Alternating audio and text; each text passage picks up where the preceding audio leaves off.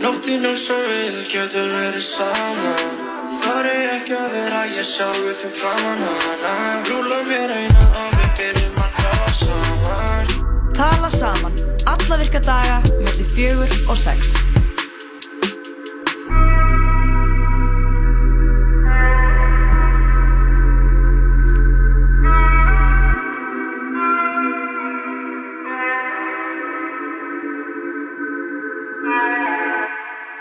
Það er talað saman á þessum eh, fallega mánudegi, glæni vika, vika, gengin í garð. Við verðum hérna með þér kæra hlustandi Jóhann og Lóa til klukkan 6 í dag.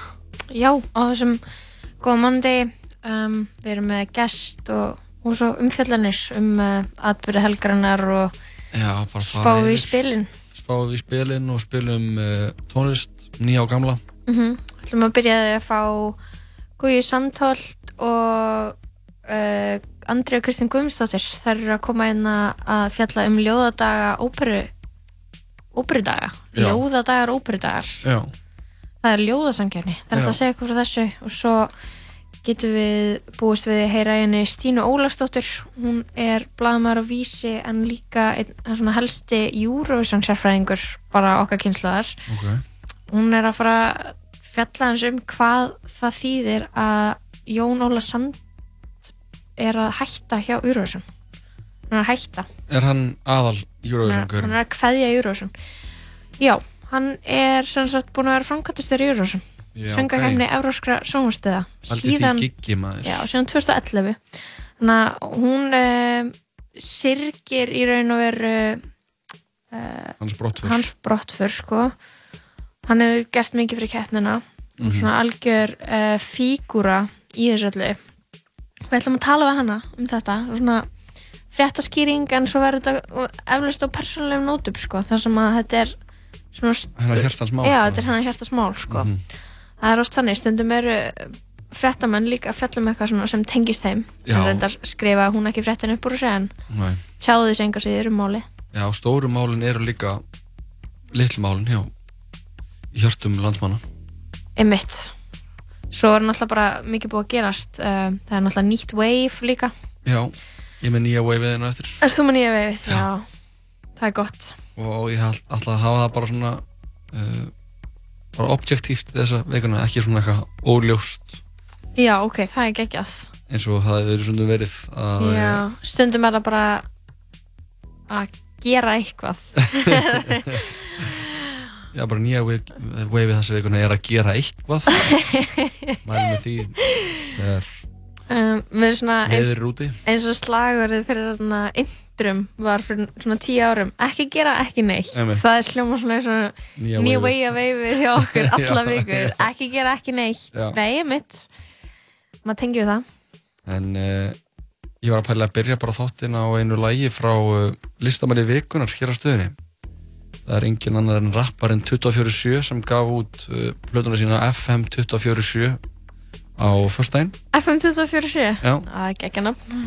Og uh, já, bara er líka góðum lögum á á, uh, á þessu teipi. Ég veit ekki alveg hvað ég á að spila. Það er úr svo mörg að velja. Ég held að ég kannski bara spili lag sem ég að hlusta slatt á. Það er með þeim fjölum 247 og rapparunum Birni Live J. Lo komum tilbaka eftir öskamar stund með góða gesti, ekki fara neitt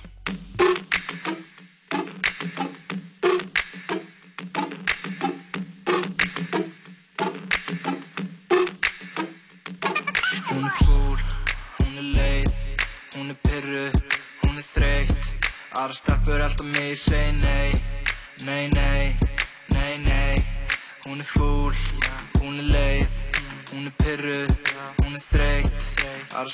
alltaf mig, segi nei, nei, nei, nei, nei Ef þú er fucked up, segi hey. Ef þú er fucked up, segi gang.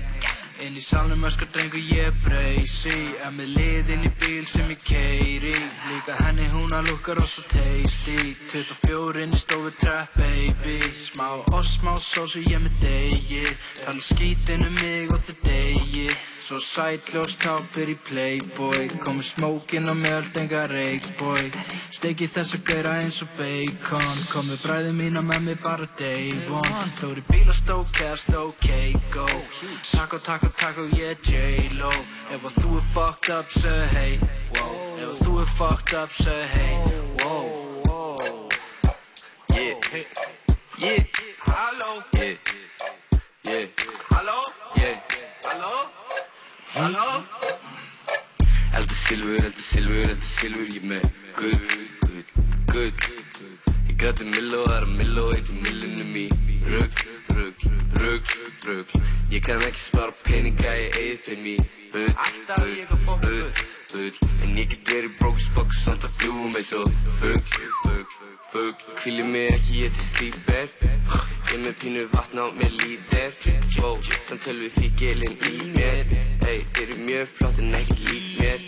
Yeah, ég JD Justin Bieber. Yeah, allar línur á eins og símaver. Hvart að tala um ég er kýper. Oh, polo hestur á mér, hún vil ríða mér. Yeah. Hún er fúl, hún er leið, hún er pyrru, hún er þreytt Aðra stelpur alltaf mig segi nei, nei, nei, nei, nei Hún er fúl, hún er leið, hún er pyrru, hún er þreytt. Aðra stelpur alltaf mig segi nei, nei, nei, nei, nei. Hún er fúl, hún er leið, hún er pyrru, hún er þreytt. Aðra stelpur alltaf mig segi nei Nei, nei, nei, nei. Hún er fúl, hún er leið Hún er pyrru, hún er þreytt. Aðra stelpur alltaf mig segi nei Nei, nei, nei, nei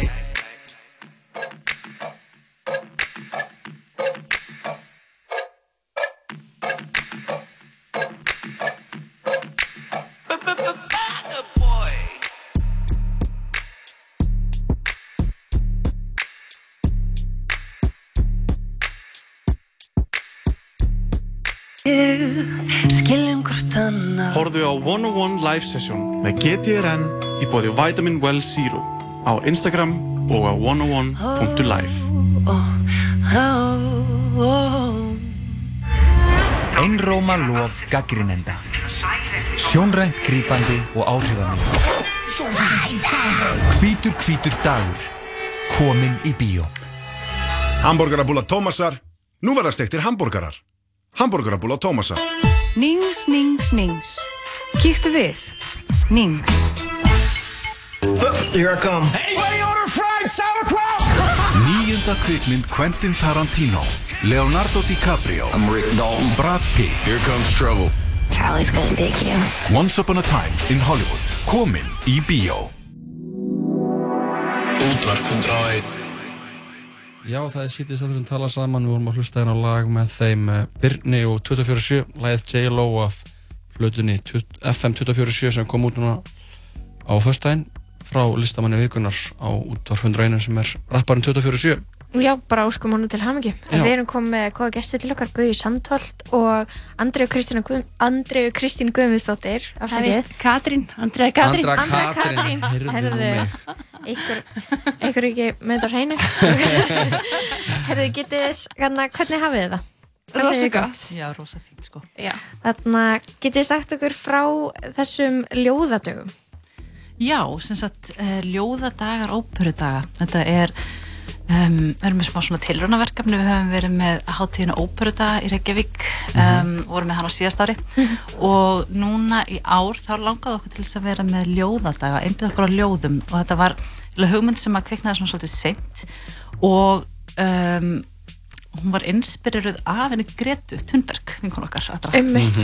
um, svona fyrir nokkur mánuðum þegar að, að, að svona Greta fór að, að, að, að hérna, fór í verkfalli fyrir, fyrir skóla, fyrir loftslægið þá uh, fannst mér þetta eitthvað svo magnað uh, Mhm. fyrir hvað hún að gera þessi unga stelpa og þetta er ótrúlega flott og, og uh, ég er búin að vera með þessa hátíð óperuða og fór að hugsa kannski væri, kannski geti við eitthvað gert til að leggja okkur á mörgum á hátíðinni mm. svona verandi líka ný móðir þá var þetta eitthvað sem kvektu sérstaklega í mér bara Mhm. þetta er með eitthvað svona plattform sem við getum kannski hjálpað henni og þannig að það kom innblástur frá, frá Gretu og náttúrulega það að vera með stansleysan lofslags kvíða, bara hann get ekki sofið á Einmitt. nóttunni, Mhm. sem ég held að margir kannast við Mhm. og við erum svona, hátíðin okkar gengur óslega mikið út af svona klassískan söng og tónlist, klassíska tónlist en líka við förum með formið og, og erum að, að þróa því allar áttir Mhm. og ég fór að hugsa kannski getum við bara verið með svona ljóð fyrir loftslæð Mhm. þannig að, að hún er með skólaverkvall fyrir loftslæð og við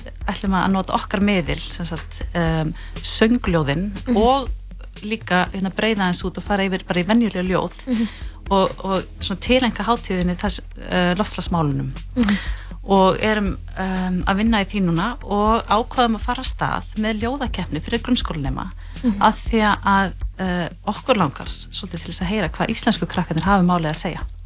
Já, og þá bara ákveðum við að, að bara fara yfir all landið og sem sagt allir krakkar sem eru á aldrinum hérna 6 ára upp í 16 geta þá tekið þátt og sendt inn ljóð og hérna við erum ekki mjög mikið að setja fókusin á vinningsljóðið skiljið, það er það að við viljum bara hvetja sem flest þess að senda inn ljóð Mhm. og við ætlum að gera okkur allra besta til þess að, að gera þessi ljóð sínileg, skiljið mig, bara út um borg og bæ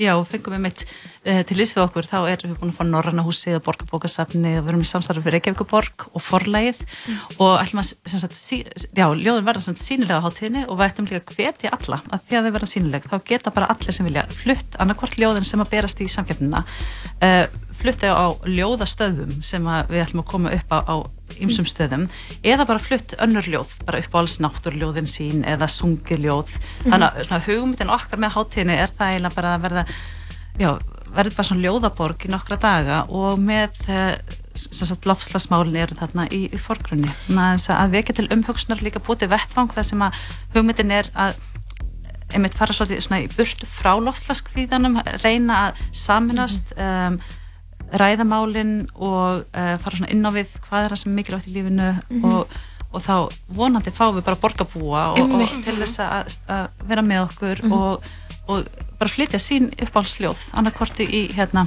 með því að lesa þau upp eða Mhm. syngja eða spila tónaljóð, það má allt sko Já, ég held að fyrir ekki okkur finnst allir bara mjög mikilvægt að finna eitthvað svona leið til þess að tengja okkur öll saman Mhm. þannig að við séum svona öll saman í þessu ljóðin er svona miðlinn til þess. Já, sem við erum að leika okkur með.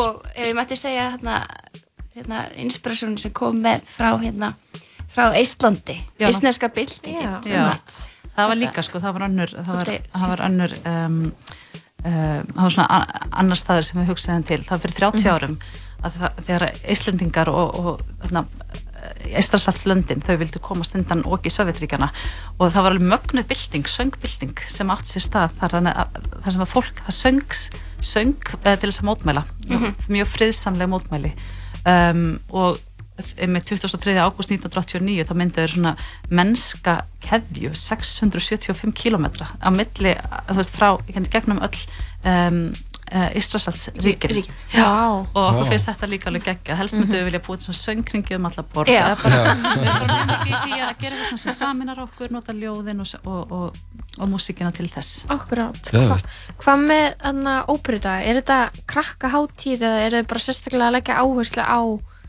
börn í, í ár? Sko, í uh, óperudagar er bara hátíð fyrir alla.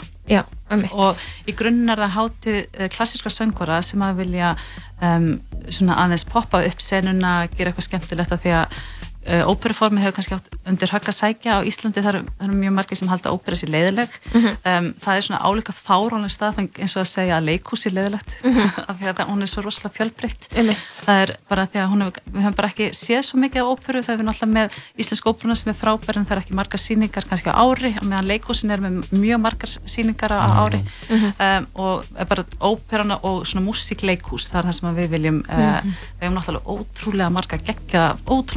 söngvara og okkur langar til þess að skapa vettvang fyrir þá til þess að vera í tilraunastarfsemi og, og, Mhm. og gera eitthvað svona flippað og skemmtilegt sko. Mhm. Þannig, og bæði fyrir börn og bara fyrir alla aldurshópa sko. Einmitt. Hvað er, og hvað hafa óperudagar haldnir oft? Þeir, við höfum verið, sko, þetta er þriðaskiptið sem að, að nú, núna erum við með ljóðata óperudaga sem er svona smá tvist Mhm. uh, en Mhm. óperudaga voru haldin fyrsta skipti í Kópavogi 2016 Ok. og svo í fyrra 2018 hér í Reykjavík Mhm. og, vorum einmitt, hérna, vorum svo stolt af því að vera valin tónlistarháttið ársins á íslensku Ok, tónlistarháttið til hamingju. Nú var móttin Geggjað. Já En verða það þá í ár, það er bara að vera að leggja áherslu á ljóð, þannig að það verður svona, þannig að óperan þarf að Sko nú setja hakanum þá. Já, já, í ár verðum við með, með fókus á svona ljóð Mhm. sko, eins og klassíski söngvarar, þeir eru hérna, þeir syngja svo margt, þeir syngja bara óperu, þeir eru ljóðsöng, kórsöng og alls konar. Og við viljum svona við viljum aðeins prófa að fara í samstarf líka við fleiri, til dæmis á ljóðdögum núna þá verðum við með uh, verk eftir bandarist tónskáld og þar verðum við bæði með klassíska söngvara en síðan til dæmis líka Sirrir Tollasíus og, og Mm. að koma og syngja líka eitthvað þar, þannig að við erum líka að, við erum tala líka við hérna söngvarna sem er kannski ekki að einbetta sér að klassísku höfðinni. Þannig að- Já, alltaf meðalega við því að svona, allir líta eins til begge áttar, sko. Já, algjörlega bara svona, já, já. Þannig að í, í um, ár verðum við ekki með þess að óperu uppfærslu Nei, nei, nei. en bara svona ljóðatónleika og, og svo stutta gjörninga og reynda líka oratóriu uh, Jóhannesa Passian verður, verður flutt Ok. þannig að það verður líka alveg, alveg geggja og það er, ég veit, það er náttúrulega ekki ljóð per se en okkur langaði til þess að skapa líka vettvang og fengum þá sem er að standa að Jóhannesa Passiani til þess að vera með ok í okkar Mhm. dagskrá af því að það er líka svona góð leið til þess að líta inn á við og, og svona hugleiða bara Hvað er Jóhannes að passi? Jóhannes að passi er þess að rosalega hérna, indislega fallegt verk eftir, uh, eftir Bach, Jóhann Sebastian Bach uh, sem er uh, sem bara fjallar um passíu Krists og þó svo að um, það er trúarleg hún er trúarleg en Mhm. hún er samt eitthvað sem allir geta hlusta á þó þeir sé ekki trúaðir þetta er bara svona Ok. ótrúlega falleg tónlist að það er alltaf svo mikið af uh, þessar klassísku, klassísku mús uh, eh, klassísku tónlist er kannski eiga á rætur sína að rekja í, um, veist, í trúna Mhm. þá finnst mér það ekki að þeir sem eru trúaðir eiga ekki bara rétt á þessari guðdómlegu tónlist. Hún er svo falleg og já, það er hægt að það er hægt að hlusta á hana og verða inspiraður bara fegur tónlistarinnar. Þannig að og við viljum svona okkur finnst indislegt að hafa hana þarna bæði fyrir þá sem eru trúaðir eða ekki trúaðir bara að eiga svona stund með sér sem að getur lítið inn á við og reflektarað og, og upplifað eitthvað ótrúlega fallegt Má ég spyrja út í ljóðakeppnina? Já. Hvernig er það með sigur ljóðið? Hvað gerist ef, þú vinnur? Já, það er nefnilega, það verður þetta góðir, fallegir, flottir vinningar í bóði en eitt svo flottasti er kannski sem að ég getur kannski sagt að betur frá er að, að það mun líklega tónskáld þá semja tónlist við vinningsljóðið Ok, það er mjög cool. sem að er náttúrulega engin smá heiður sko okkur langar til þess að vinna með ljóðin áfram. Þannig að Já. þetta er verkefni sem verður núna í ár og þá munum við flytja ljóðin, bara lesa þau upp. Mhm. uh, og svo vonandi næstu hátíð. Það er svona draumurinn, þá í samræðu við ungu skáldin, þá getum við vonandi fengið nokkur ljóð til og tónsett þau í sam, samstarfi við uh, Íslensk tónskáld. Og þá verið með einhvers konar verk búið til sögu og, mm. og það er draumurinn hann alltaf, við þurfum að sjá hvernig þetta þróast uh, en okkur langar óbúslega mikið til þess að að halda áfram með verkefni en það vinningsljóðin fá að sjálfsögðu fallega vinninga til dæmis frá Vistveru og Forlæginu Mhm. uh, og Norrannahúsinu og hérna í, í ár þannig að, að það er til mikils að vinna Já, ok, geggjað Og hver stendur maður ljóðið inn? Við maður alltaf taka þátt. Það er annarkvort á óperudaga, á óperudagar, at óperudagar.is Mhm. eða á póstólfið okkar og upplýsingarna það má finna á uh, síðun okkar bæði óperudagar.is Mhm. eða á Facebook síðu óperudaga. Glæsilegt. Við vonum bara að sækja sem flestir um Já. og sendi sem flestir inn ljóð. Og við líka bara hvetjum, þú veist eins og ef það eru einhver fyrirtæki eða aðilar sem að vilja vera með, þá hvetjum við þá til þess að hafa samband við okkur ef einhver vil að spyrta ljóð barnana Mhm. á meðan að hátíðinni stendur, að þá erum við mjög fús í allt samstarf. Geggjað. Hljóðum mjög vel. Takk kærlega fyrir komuna Guja og Andrea Katrín. Takk fyrir okkur. Og gangi ykkur bara vel. Takk kærlega. Ég held að ég fáum eitt lag og komum sér aftur í létt hjal, Já, fréttaflutning og gerum fleira. það. Nei, ekki? Nei, herru, við ætlum ekki að heita það frá. Yes, we want the Lord. Yes, Jesus. Yes, Lord. Have your multiply. Yes. Jesus, praise the Lord. Yes, God. Hallelujah. Yes. We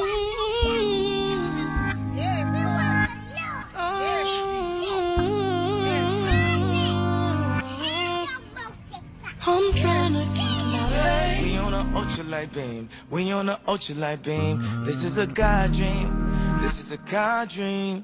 This is everything. This is everything.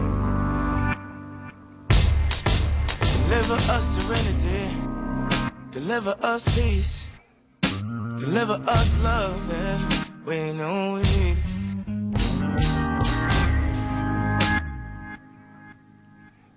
Know we need it. You know we need it. Why we need you now. Oh. Pray for Paris. Pray for the parents. This is a God dream. This is a God dream. This is a God dream. We on a ultralight beam. We on a ultralight beam. This is a God dream. Is a dream. This is everything. Everything. I'm trying to keep my faith, but I'm looking for more. Somewhere I can feel safe, and in my holy war,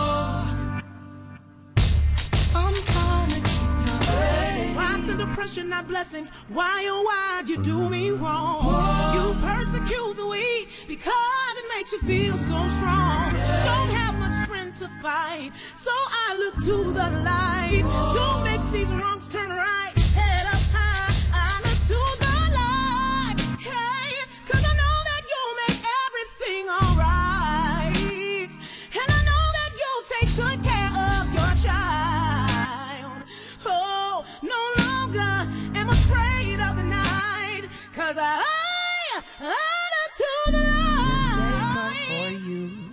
I will shield your name. I will field their questions. I will feel your pain. No one can judge. They don't, they don't know.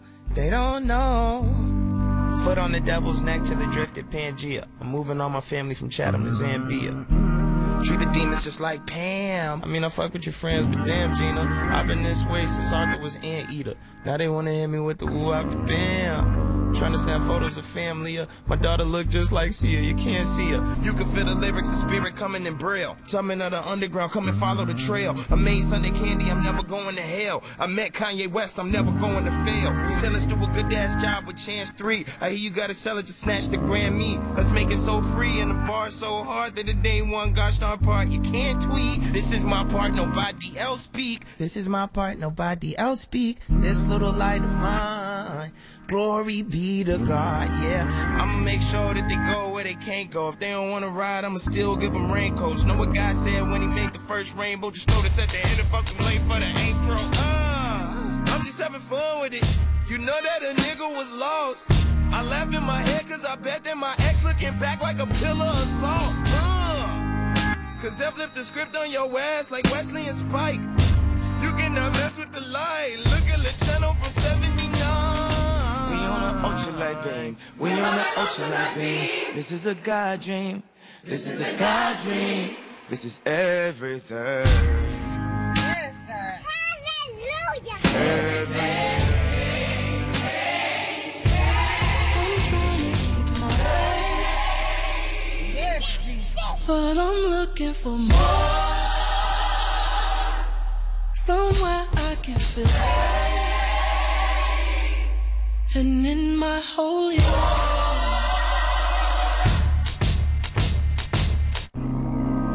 Father, this prayer's for everyone that feels they're not good enough.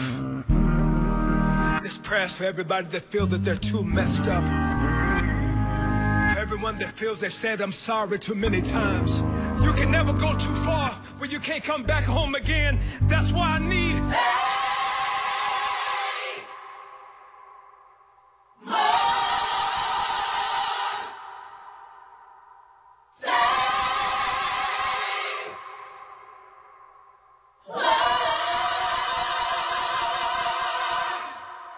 Þetta var Kanye West, lagið Ultralight Beam af uh, síðustu plötan hans, nei, þar síðustu. The Life of Pablo frá árið 2016 Ekki þar, þar síðustu. Eða Eh, þar, þar, þar, þar síðustu. Nei, það síðast. Um, á, ok, byrju, en kom uh, var hann ekki að gefa út ógæslega marga plötur núna bara 2018 Jú, hann gaf það var Jú, ég ég og svo hinn uh, Kids Ghost, jú, það var náttúrulega collaborative plata. Ok, en við þurfum nú ekki að rífast af það. Nei, en hann er að fara að gefa út aðra ekki plötu þetta. núna já, spennandi, jú, þarna gospel, svona Jesus is King já, beigði á þessum Sunday Services, það Jú, ekki jú þarna, hann er um mitt búin að vera að halda messur og út í eðimörkinni Já, Bara líka í stuð. borgum, hann er búin að halda Borg. inni bara í Chicago, held, hann reysa messu síðast, þar síðust helgi, sem var núna með eitthvað annað í Chicago þar sem uh, fólk var mætt til að sjá kvikmynd Mm, ok, eh, um ok. eitthvað Kanye West film sem fjallar um þetta Sunday Service Já. Dæmi Mhm. og, uh, og það, það er verið að senda þess að spila þessa mynd, hún verið frumsynd held í oktober í, í, í IMAX bíóm út um allan heim. Ok, og það voru einhverjir einhverjir lucky chaps í risa einhverju svona þétri í, í hann Chicago sem fengi að sjá myndina og heyra nýju plötun hans. Mitt hann er hann að búin að heiti alveg. blörra línunar á milli þess að vera eitthvað svona trúarleitói og tónlistamæður já, það hefur ég meina þú veist, það er alveg svona óþekkt á, á okkur tímum sko eiginlega og þetta er áhugavert sko og líka bara, en það fer svolítið líka eftir í hvað þarna, hvaða bóðskapan allir sér að breyða út skilur, já, Já. Er, er hann gúst, Já, hver, ég að hvert þetta er sé gildi bara- eða held svona að þetta hvað sé allt bara mjög jákvætt sko. Einmitt. þú heldur það en þú þá, heldur ekki það ég veit ekki, veist, maður það bara að spyrja leikskul, leikslókum, jói, skilur, Mhm. þetta er bara að byrja Mhm. og bara, þú veist, hvernig fer þetta bara Mhm. hvað hvað ætla maðurinn sér ákveður núna Einmitt. getum við sem ég ekki vita það sko þannig að þetta er bara að vera bara svona gett forvinnilegt að fylgjast með sem kemur bara út Jesus King platan Mhm.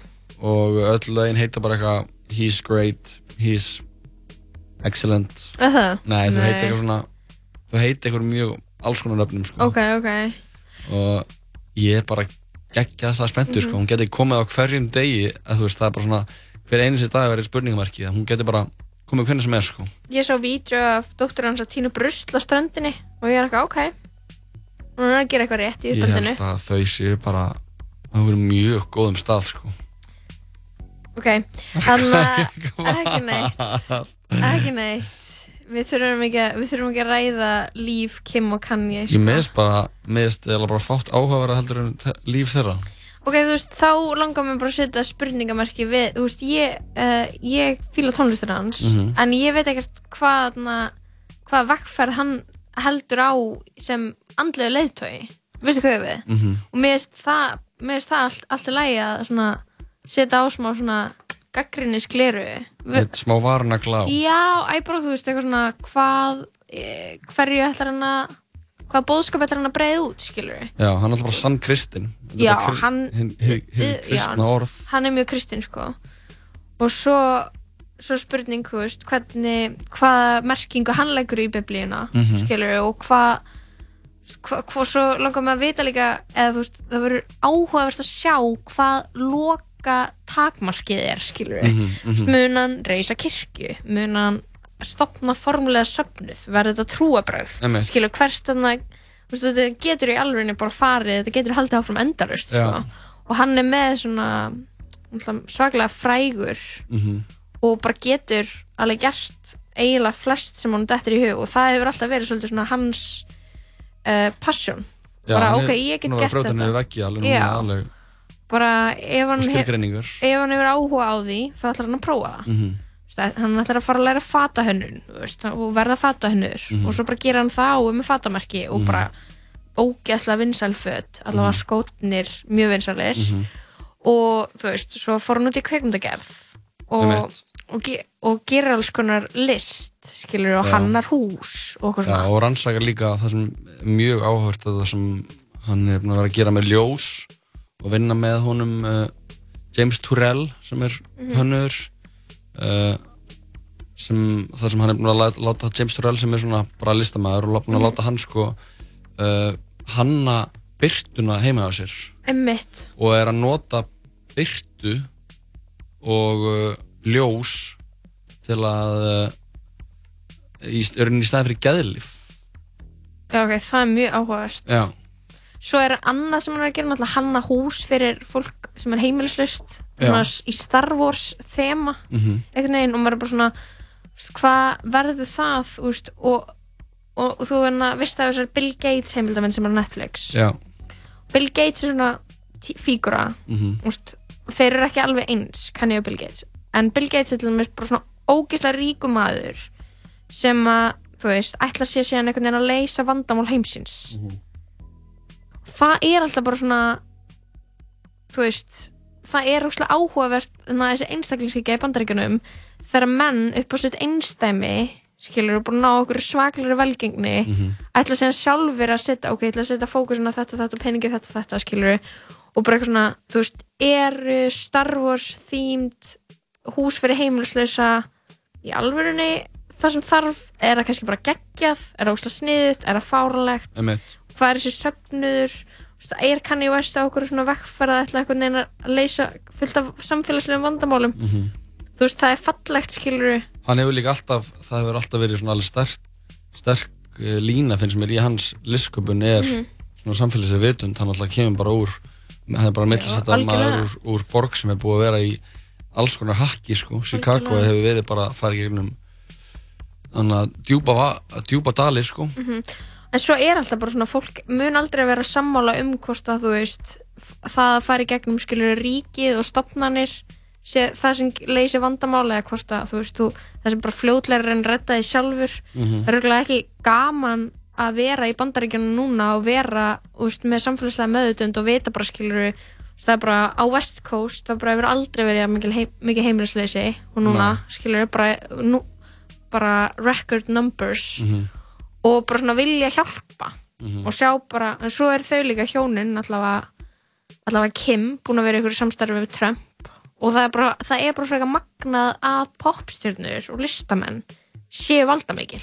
Áhrifaldar já, en þú veist ha- hafa aðeins meiri völd heldur en áhrifaldar Já, meina, það er bara gett, það er bara svona skrítin sko. skrítin að veruleiki. Já, þetta er bara, þetta er bizarr já, en þetta er bara heimurinn sem við lifum í.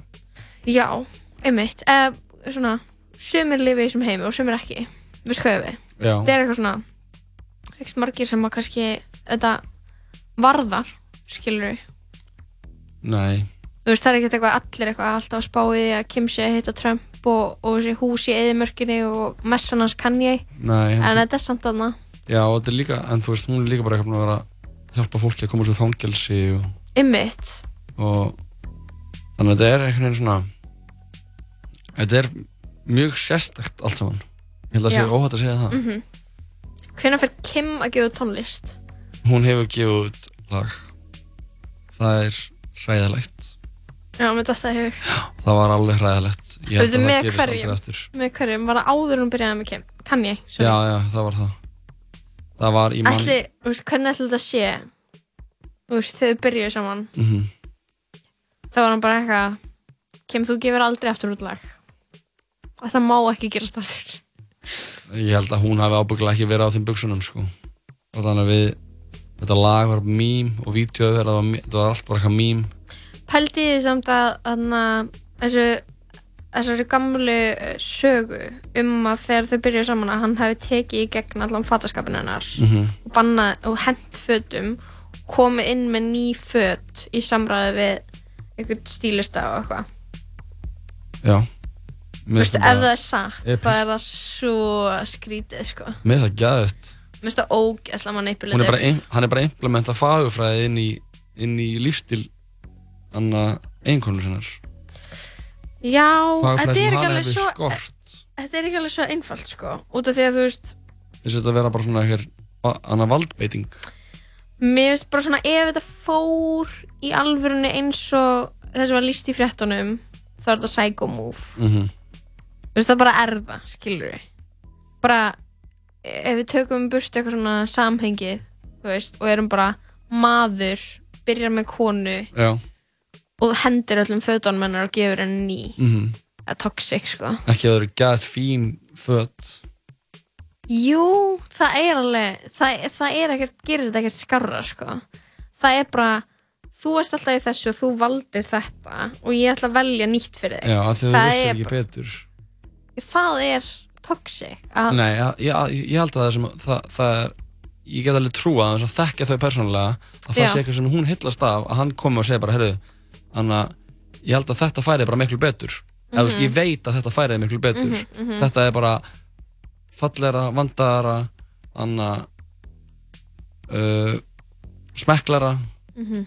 og einhvern veginn meira svona viðeigandi fyrir þinn lífstíl og þína fagfræði er að þú sért frekar í þessu hérna og hendi bara Mhm. einhverju af því hún var ábyggla bara, hún var í sko bara mjög mikið bara, bara mjög svona lummó og svona mjög, það var bara svona stóð utan á henni að hún væri raunmjöluleika stjarna út Mhm. á fötunum hennar að dæma Mhm. þannig að ég held að hann gerir þetta sem sem eh, einhver svona velgjörðar einhver svona velgjörð bara að segja heyrðu, nú kemur bara hérna og við endur skilgrinum bara hva, í hvaða fötum þú ert Já, veist, ef þetta er gert, skilur, í einhverju svona samtali, fattur þau, þá finnst mér allt annað.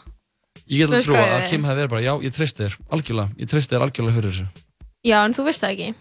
Og ef þetta, var, það ef, þetta var, ef þetta var eitthvað svona, eitthvað move hjá honum, þá er það geð skrítið. Mm Mhm. Fattur svona move það sem ert bara eitthvað, þetta gengur ekki. Þá, en þú veist, þau eru hann þá saman og hún stiður hann geð mikið. Mér, mér finnst þetta alveg, ef maður spáir í því, svona með hvernig þau eru, alveg líklega að, ha- að hafa verið eitthvað að, smá aðdraðandi að þessu. já, já, þú veist en það var óslega mikið svona í fréttum eitthvað svona Kim hendi öllu dótun hennar og gaf henni ný já, það er líka eins og fréttin að lá- láta allt lítið út já, nokkla ef að fá smá músíka. Já, ætlum við ekki að fá síðan uh, smá fréttskýringu Jú, hann ætlar að koma hérna Egil Ástrason uh, annar uh, tveggja körubólta áhuga manna hér á vinnustanum Egil var með mér að ég, ég tala saman á fyrstæðin fyrir þá sem að Hlustu. hlustu. Hann ætlar að segja okkur frá nýri löggjöf í, á vesturturund bandarækjana um launamál nefnd, eða þú veist Mhm. íþrótta kjappa sem er í háskólum eða þú veist, þeirra sem eru svona í hana háskóla kallaður Og það er víst- Háskóla körfuboltanum? Háskóla körfuboltanum Já, ok. Það veist eitthvað stórt að gerast þannig og uh, við fáum að vita allt um það. En uh, fyrst fyrst við vorum að tala um Kanye, vorum að spila Kanye. Mhm. fáum eitt lag með Kanye viðbútt þetta er með Friends in the Light og Bon Iver. Lagið hittir Take Me to the Light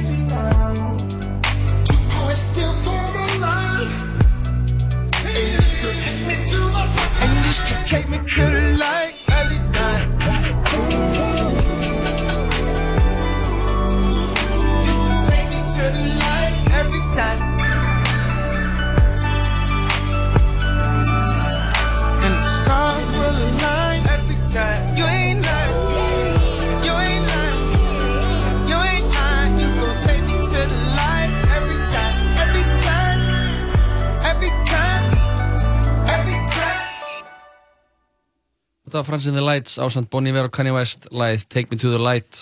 Síðan þess að við tala saman heldur hér áfram á þessum uh, ágæta mánundags degi Lóa, mánundagsdagur Mándagsdagur á hana í mán viku. Það í mánviku Við erum komin með góðan gest til okkar. Egil Ástrásson, verður hjartanlega velkomin kærvinur Já, takk fyrir það. Hvernig hefur þú það í dag? Ég er bara furðu góður. Furðu góður Það er svona mánudagur. Oft, oft, oft vandur mánudagum og það er óvinnilegt að þú er góður í dag, eitthvað slíkt Þetta er ammali gær til Já, hann gefur já, takk fyrir það. Ég svara spurningunni sem ég spurði þig Já, þú sást bara um þetta? Já, Nei, nei, ég er bara svona, maður er bara að byrja vikuna og það er ágætis veður úti og svona, Einmitt. ég er bara ferskur. Hvort er ekki? Hvort er hún gammal? Ég er 22 ára. 22 ára gammal? ógíslega skrítið á sérst 22 og ekki aldrei Var að segja það Já, þetta er ekkert spes svona, þetta er ekkert skemmtilegur aldur, þú veist, það gerist ekkert. Maður breytist ekkert mikið. Í fyrra gæti ég allan að fagna því á eitt félag sem býr í bandaríkunum, en ég er allan ekki lengur í basli með með að kaupa bjór þegar þar. Emmitt. En núna er 22 Já, Symmetrisk þetta er tala. með- Þetta er með aldurs með, sko. En talað um bandarækinn, þá var, eru stóra frétti það en ekki sett? Jú, það var svona smá reyðingar í hérna baráttunni fyrir réttundum uh, háskóla íþjóðartafólks Já.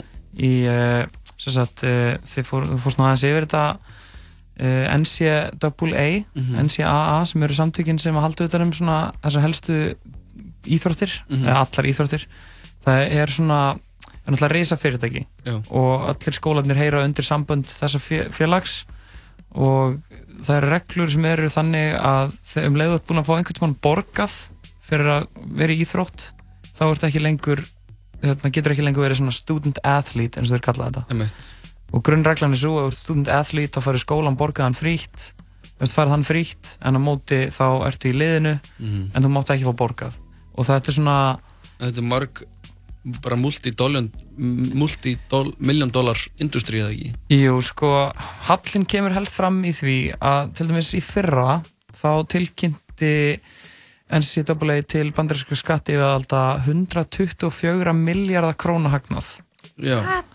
og það er áætlað að háskóla þau gefa alltaf í krónum Nei, ég var hann aðeins að konverta Já.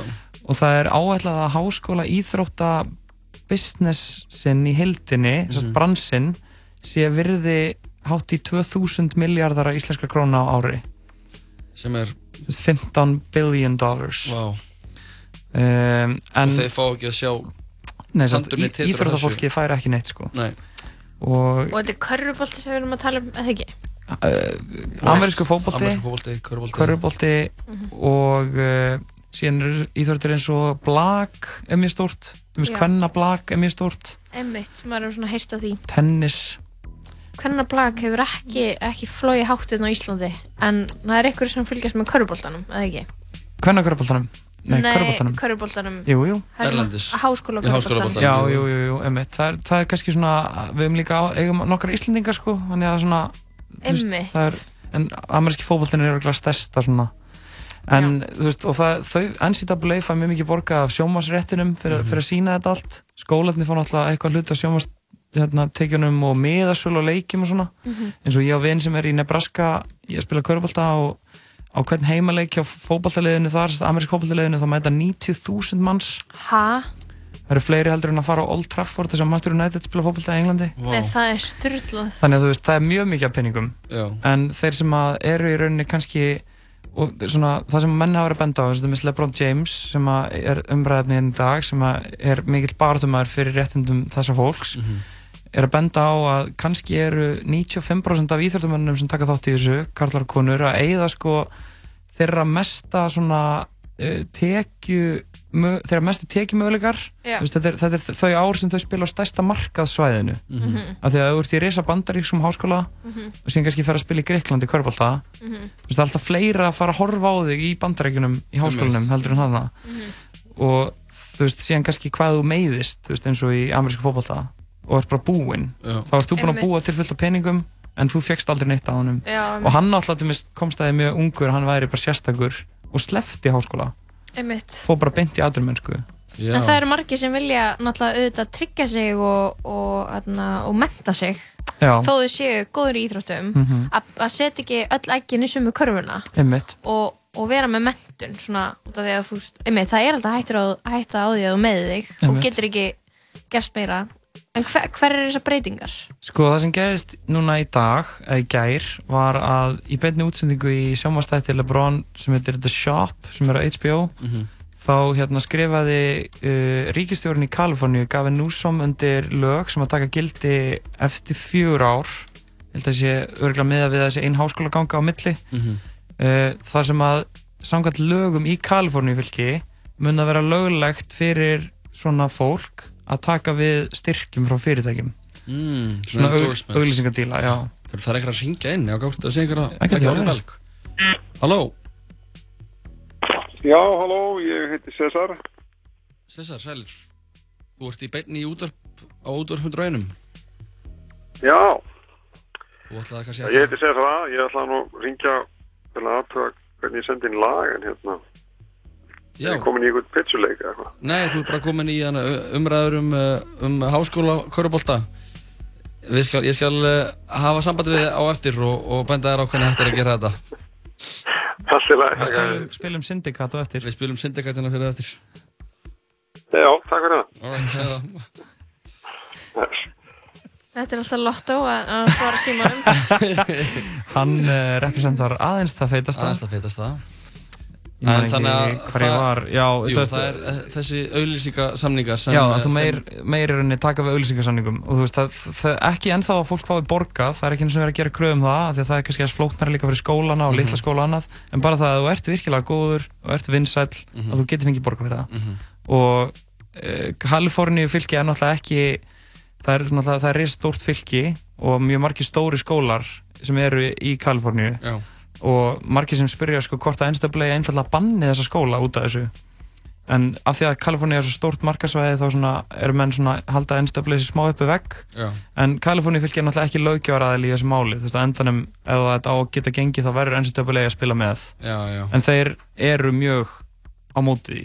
Þannig að það, var, það sem var að gerast var að einungis Kalifornía var að leggja til þessi lögjöf. Já, Það svona, veist, ef þetta þú veist, í íslenskum fótbollaskilur þá er þetta eins og Akureyri hafi verið að segja þetta Já, má já. núna skilur Já, en KSI ræður því samt en. Akureyri segir að megi skilur Þannig að ef þau meiga það í Kaliforníu þá það er svona vonast til þess að hinn fylkin gerir sambarlega löggjafir og það bara, Lebron er bara að pressa á NCAA að breyta einhverju sko. Þannig að þetta er svona, það er mi mikið hægt að lesa um þetta, þetta er mjög vel dokumentöru deila Mhm. og sérstaklega svona peningin í NCAA er mjög áhugavert Mhm. þetta er mjög mikið af pening Mjög mikið peningum, við elskum peninga, Lóa. Tja, Eða ekki? ekkert frekar sko Nei. við erum ekkert að móta hann? Penning Hann er fín í lommen. um, Allt er gott í hófi Þá líka við um peninga Já. Egil, þakka ekki alveg fyrir að koma. Takk hérlega. Við spilum hérna lag fyrst að César A var að ringin, það var að aðtökana var þetta að senda í lag, við þurfum að benda honum á það. En uh, fyrst er það Syndikat ásönd honum uh, Dorotíana og bróður hans eh, Cesara Blas Roka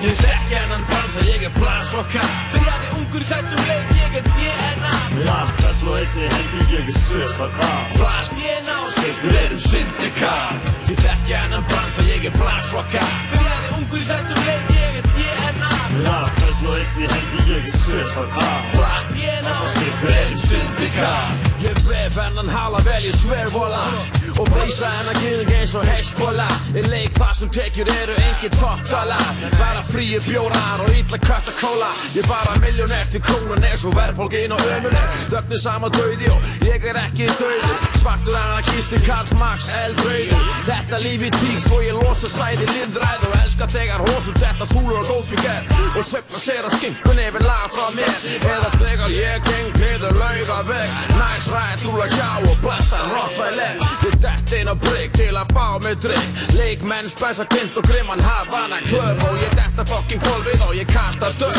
Og náttúrulega fónin, já það er botnin upp. Ég þekki hennan bransa, ég er blasroka Byrjaði ungur í þessum leik, er DNA allt fell og einni hendi ég er Cesar A Blast DNA og Swiss, við erum syndikat Ég þekki hennan bransa, ég er blasroka Byrjaði ungur þessum leik, ég er DNA allt fell og einni hendi ég er Cesar A Blast DNA og Swiss, við erum syndikat Sumari 99, ég hefði kynst nýjum hóp Þeir voru allir taldi líklegir í að prófa smá dóp Sakleysinu týndri með viðegandi klingri Ég leitt shit til að var látt, ég væri einu ári yngri Í buksunir á hæla, bannvanna svo sæla. Að blanda landi sínan, að hanga bak við snælan. Gangandi var bræla, særði flokkin um sinn það var leið 25, já sem færð okkur inn.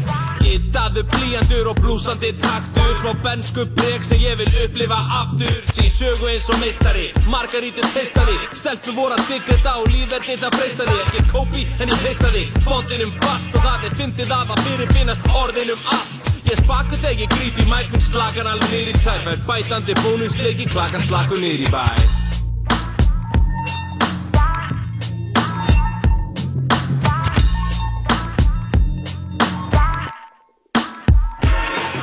Ég þekki hennan bransa, ég er blasroka Byrjaði ungur í þessum leik, ég er DNA Með allt fell og einni hendi ég er Cesar A Blast DNA og Swiss, við Ég þekki hennan bransa, ég er blasroka Byrjaði ungur í þessum leik, ég er DNA Með allt fell og einni hendi ég er Cesar A. Blast DNA og Swiss, við erum syndikat Skutast búkan flyttir í hólmi ægar voru viltir árið 80 var ekki aftur snúið þegar búið að koma fyrir hiphop njálg og háu stíl Vittu sparra afhendrið tíu til stjórnarsköp og glið og glögn En held ekki aftur heldur gaflu samkvöld Í graffi tólm og text að smíða hunda sinni samtíð og enn þann dag í dag við ræðum framtíðar brak Sáu spurningum og kemur umræð minn á stað.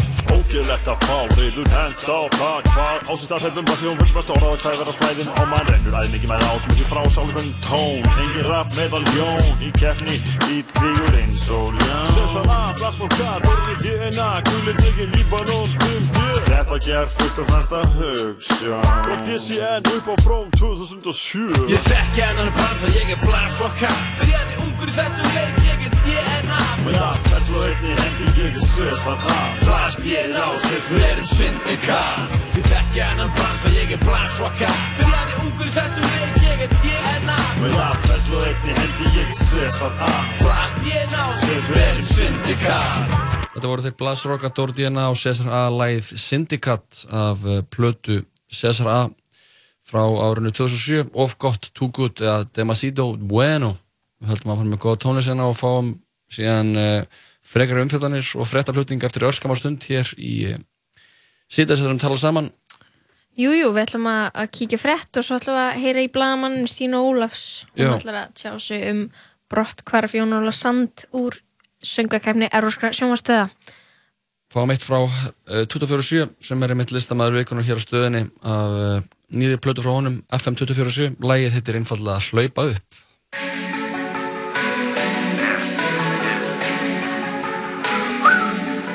Þreyttur á að vera blanku að hlaupa upp Þreyttur á að vera blanku þarf að hlaupa upp Lífa mig að græða meira? Þarf að hlaupa upp Nenni ekki stana með þeim meira að hlaupa upp Nenni ekki sækjum vinnu, hlaupa vinnu. Þreyttur á að vera blanku þarf að hlaupa upp Lífa mig að græða meira? Þarf að hlaupa upp Nenni ekki stana með þeim meira að hlaupa upp hlaupa vinnu. Sama hvernig að þið líður en að tegjur upp Samkjönd fyrir bleiðu, ég er næstur upp. Ruggaðan hundra fyrir fýtur, fór og endur svo Ég það hálfa fyrir fýtur, hlaupa tegjur upp. Dansa sveifla tegja, hún er engar sveið Er með þetta hér en þú vilt engar reik Trap, trap, trap, síðan fór ég heim. Upp í stúdíó að fá mig alltaf fattur upp. Sokir án, dýran póka fór að fá mér eitt Skilji ekki sem ég segi, Upp í stofu 220, lungi strák og peit Sendi jöngins á þið drengur, þú veist enga steik Þeir að tala sitt um okkur en með enga heit En þú sé mig valinn á því þarft að hlaupa heim Var með tvo bíla, ekki prófum, best ég keili heim Sendi jöngins á þið drengur, já þú þarft að hlaupa heim Þreyttur á að vera blanku, þarf að hlaupa upp Drífa mig að græða meira, þarf að hlaupa upp Nenni stana með þeim, er að hlaupa upp. Nenni ekki að sækjum vinnu, hlaupa vinnu upp. Svíði gegnum þessu drengi var svo selafón Sími minna var að hingja í til fóna home Gæla mín er super fresh, þín er þorra blóð. Komi kjöti, komi sósi, þú að borða blóm. 24 inn í kött, alltaf forðast hólf. Fokka ekki þessum gaurum, eru flestir hós. Er að hlaupa þetta upp, að vera brók Er að hlaupa þetta upp, að vera brók Hún fyrir seint eftir lokun, hún er frík eftir lokun Tala skítinn um okkur, en skítinn hann er flottur Lítið drippar eins og mótur, hún er drippað yfir okkur Því ég er að hlaupa upp, er að hlaupa þetta upp. Þreyttur á að vera blanku, þarf að hlaupa upp. Drífa mig að græða meira, þarf að hlaupa upp. Nenni ekki að stana með þeim, er að hlaupa upp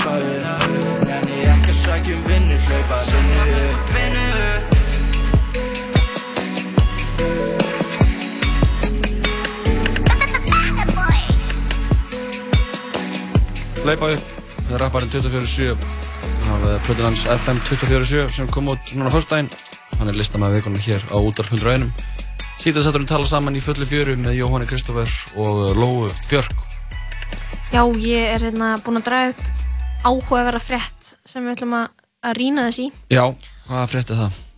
Það er hérna maður í Kína sem að flúðu fangelsi uh, og faldi sig í helli í 17 ár.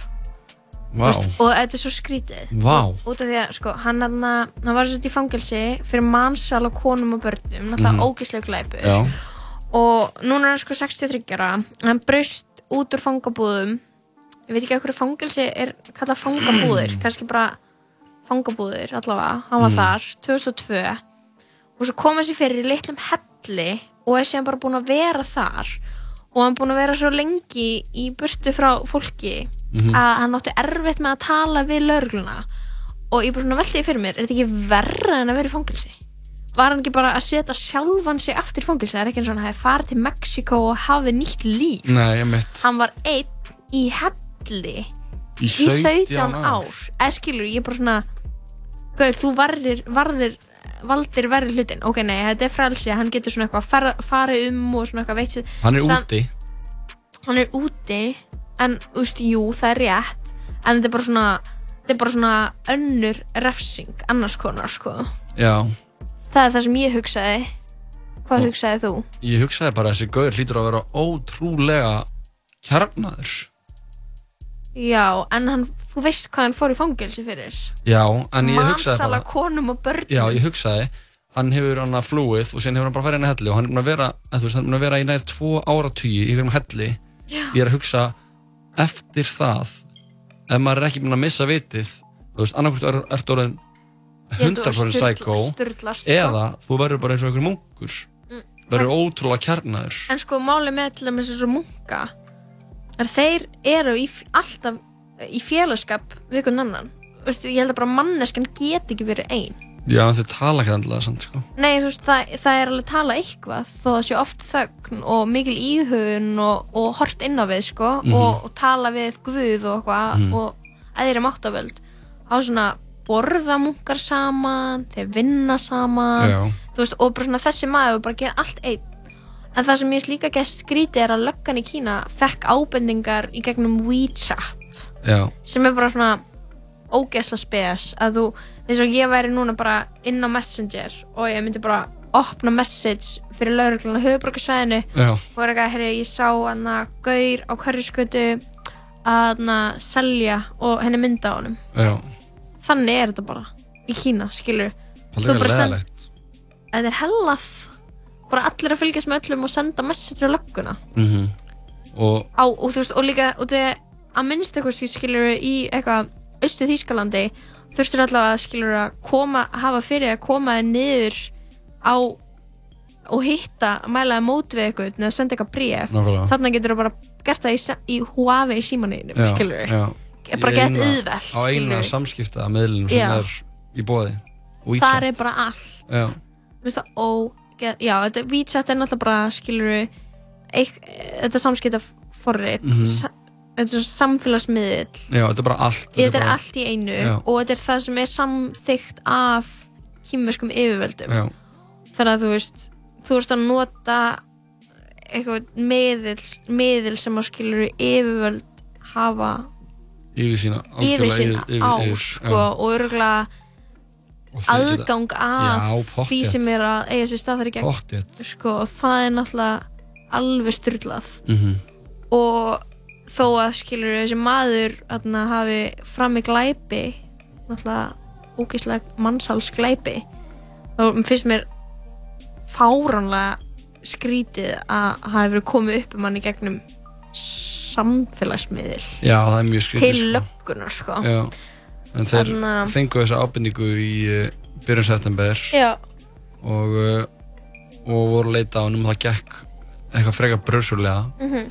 en uh, hellirinn fannst að loka með hjálp dróna Mhm. svona er tæknin og í frétt BBC segir að maðurinn hafi verið einangrað svo lengi að hann hafi átt í miklum erfiðleikum með að tala við lauruglumenn sem mm Mhm. komuð að handtakan Ég ætla bara að setja, sko, ég ætla miklu frekar að svona veðja á að hann hafi styrlast heldur en sé kjarnaður, sko. Já, Kanski ef þetta væri eitthvað svona maður sem hefði hafið eitthvað andlega vekkferð áður en hann fór en bóstalega bara svona það sem hann var að gera rétt en hann fór var bara mannsal. já Þannig ég er eitthvað svona efa það, sko.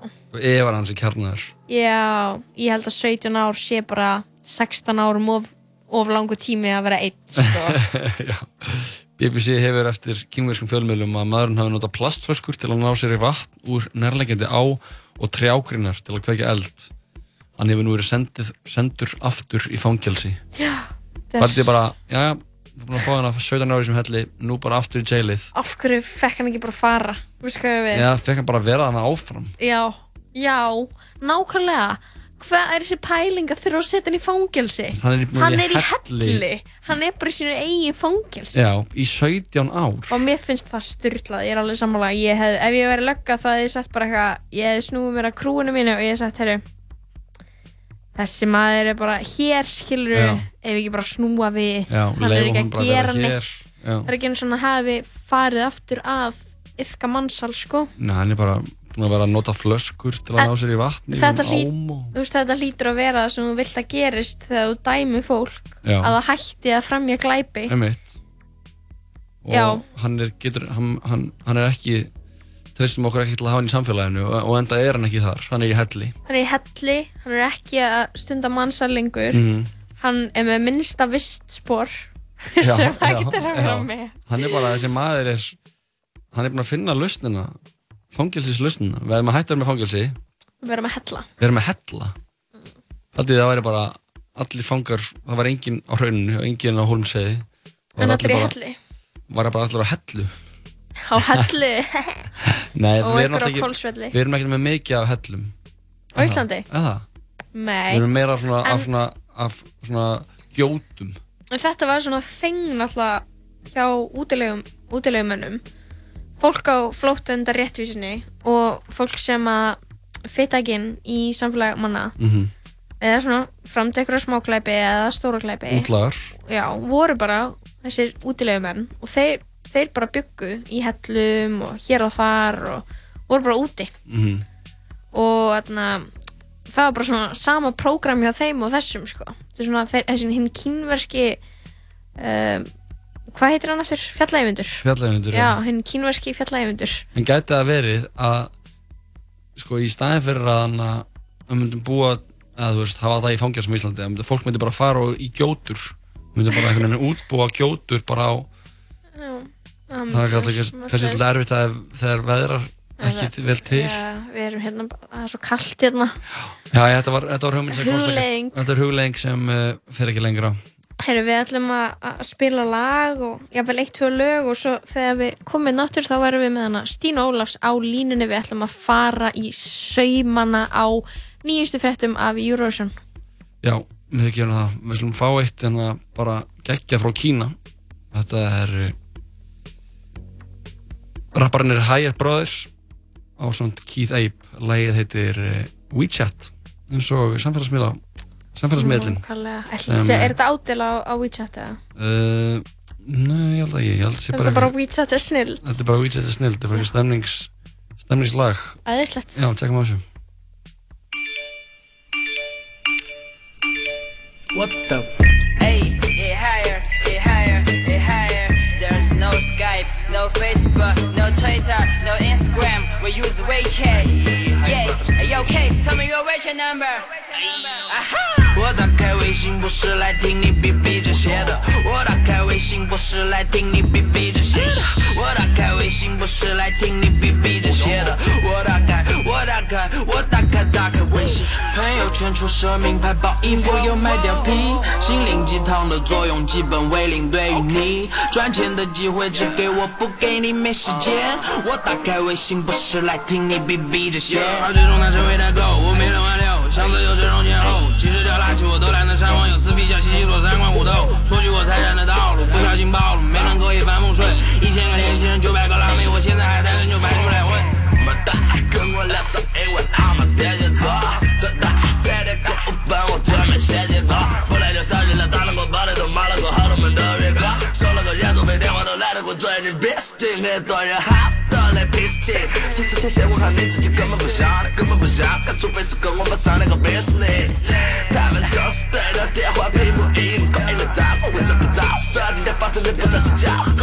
我打开微信不是来听你逼逼这些，我打开微信不是来听你逼逼那些，我打开微信不是来听你逼逼这些，我打开我打开我打开打开打开，我打开微信不是来听你逼逼这些的，我打开微信不是来听你逼逼这些的，我打开微信不是来听你逼逼这些的，哦 shit。我希望你们不要犯过，没人不本来不要烦我，我的自制能力不要犯过，喜欢说谎不要烦我，我只想要独自一人，音乐是我主治医生，Maria Carey 可可李玟，女人的欢呼如此逼真，我要睡了，手机静音微信，明天早上看，满怀期待醒来发现全是舆论在扩散，呵，你为你产品推销，呵，他喊我发个红包，呵，当我把所有的废话都看完后，走进了我的眉毛，拿出手机就发现九十多条我未读的消息，找不到我人的他们居然比我的妈妈更着急，摸不透我的踪迹，歌词是我的动力，我的世界仿佛感情和混凝土，他们之间根本就没得缝隙，按住坚硬的玻璃，再尝试革命，任何人都不可以，包括你也不可以，我还有时间去做，慢慢去做，多花时间去努力和练习，长时间坚持下才能进步，乖乖的你手机屏幕。我打开微信不是来听你逼逼这些，我打开微信不是来听你逼逼那些，我打开微信不是来听你逼逼这些，我打开我打开我打开打开打开，我打开微信不是来听你逼逼些，我打开微信不是来听你逼逼这些，我打开微信不是来听你逼逼这些。Oh shit, oh yeah. 도망쳐 도망쳐 어디로 멀리로 나는 사냥의 목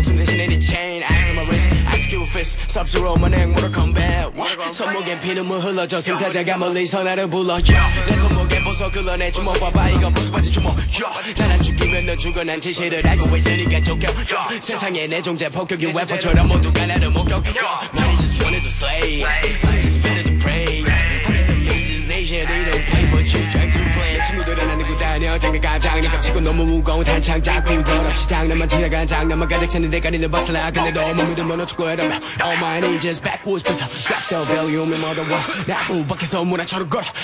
나 피고 마시고 취해. 여전히 마시고 취해. 아직도 마시고 취해. 너무 취해서 못 움직이네. 나 모든 것에 취해 있어도 걱정 안 해도 돼. 왜냐면 나는 어떻게든 결국엔 끝에 가서 전부 다걸 다시 쏟아내 난 我的紧，被屁眼流入脑 finesse，我才是罗南的 finesse，他被 little bitch 但是干没 session，人家就全部 to 我的紧，被屁眼流入脑 finesse，我才是罗南的 finesse，他被 little bitch 但是干没 session。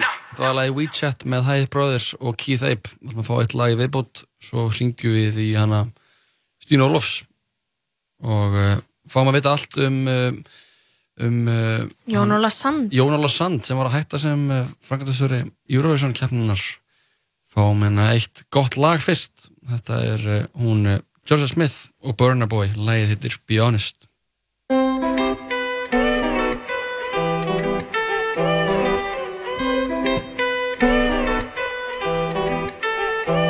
I know you want me.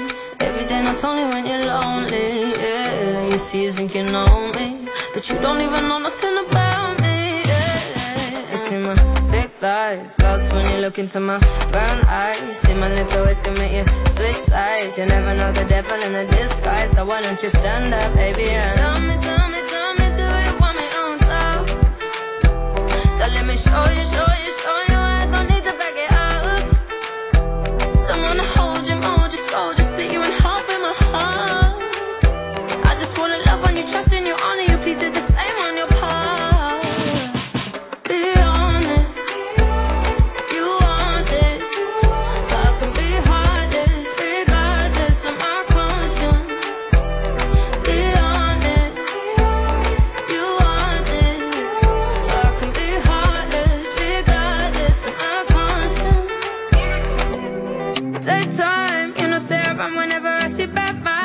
You come my way, make sure you think twice. Look into my eyes, but I can never see eyes. I can point a gun, but you know I could never lie. Come through, I can show you something you can run to.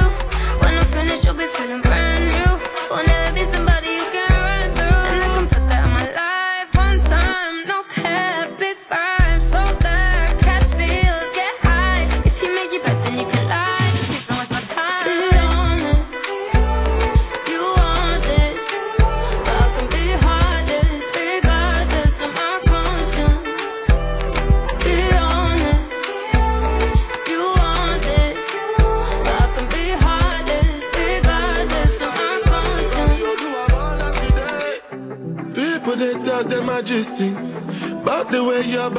body Make me lose control in a thing, boy And it's happy cause I'm thinking of us.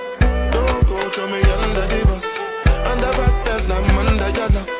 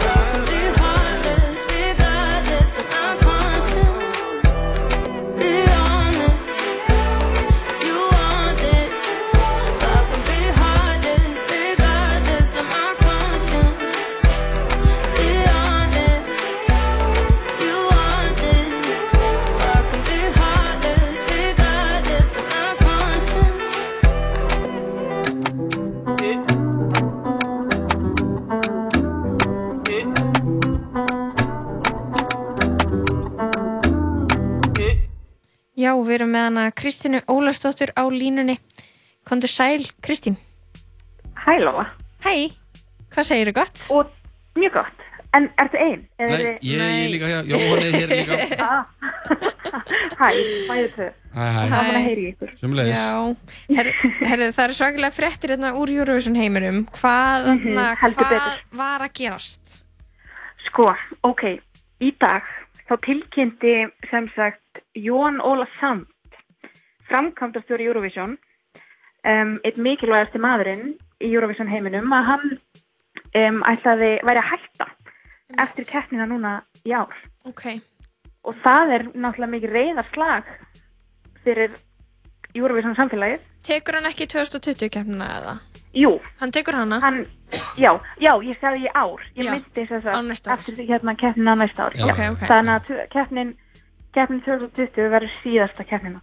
Er hann þarna, er hann búinn að vera lengi involveraður eða hvað, veist? Já, alveg frekar lengi. Hann er sko búinn að vera í þessari stöðu síðan 2011. Mhm. um, en þar áður var hann svona, hérna, já, svo sko 2010 þegar keppnin var í Oslo þá var hann svona aðal pródúserinn Ok. um, og svo þar áður var hann svona, svona Felix Ok. þeirra normanna Ég og var, svona, var farastjóri Einmitt. norska hópsins Mhm. Og hvað, þarna, hvað er svona sérstætt við Jón Óla? Hvað, hvers vegna er þetta reyðarslag? Eða þú mátt líka Sko. bara svara af persónulegum ástæðum, sko, því að þú ert víst þarna, mikill aðdöðandi hans eða hvað? Já, ég persónulega, þetta var náttúrulega bara rosalega persónulegt áfall fyrir mig í dag. Já. Um, hérna, að því ég er búin að vera, bara hef tekið mikla ástfóstur við hann einhvern veginn Já. uh, og ég veit ekki alveg, eins og ég var sko að ræða þetta við mömmu mína í dag og hún sagði að hann væri einmitt bara venjulegasti maður sem hefði á æfinu sér. Ég meina, er það ekki svona hughristandi í sjálfu sér? Jú, af því í einmitt hérna öllu þessu, þú veist, af því að Eurovision er náttúrulega hellar dæmi Mhm. og svaka alltaf hérna mikið í gangi og rosalegt glís og glimmer og alls konar eitthvað. Stóri Þá er karakterar hann og- svona bara einhvern veginn, já hann er bara einhver venjulegur gaur, einhver svona miðaldra sem er gráhærður norðmaður sem er Mhm. alltaf tjúnað inn á Mhm. til að svona jartengjast Mhm. Þa, og það er alltaf svolítið gaman.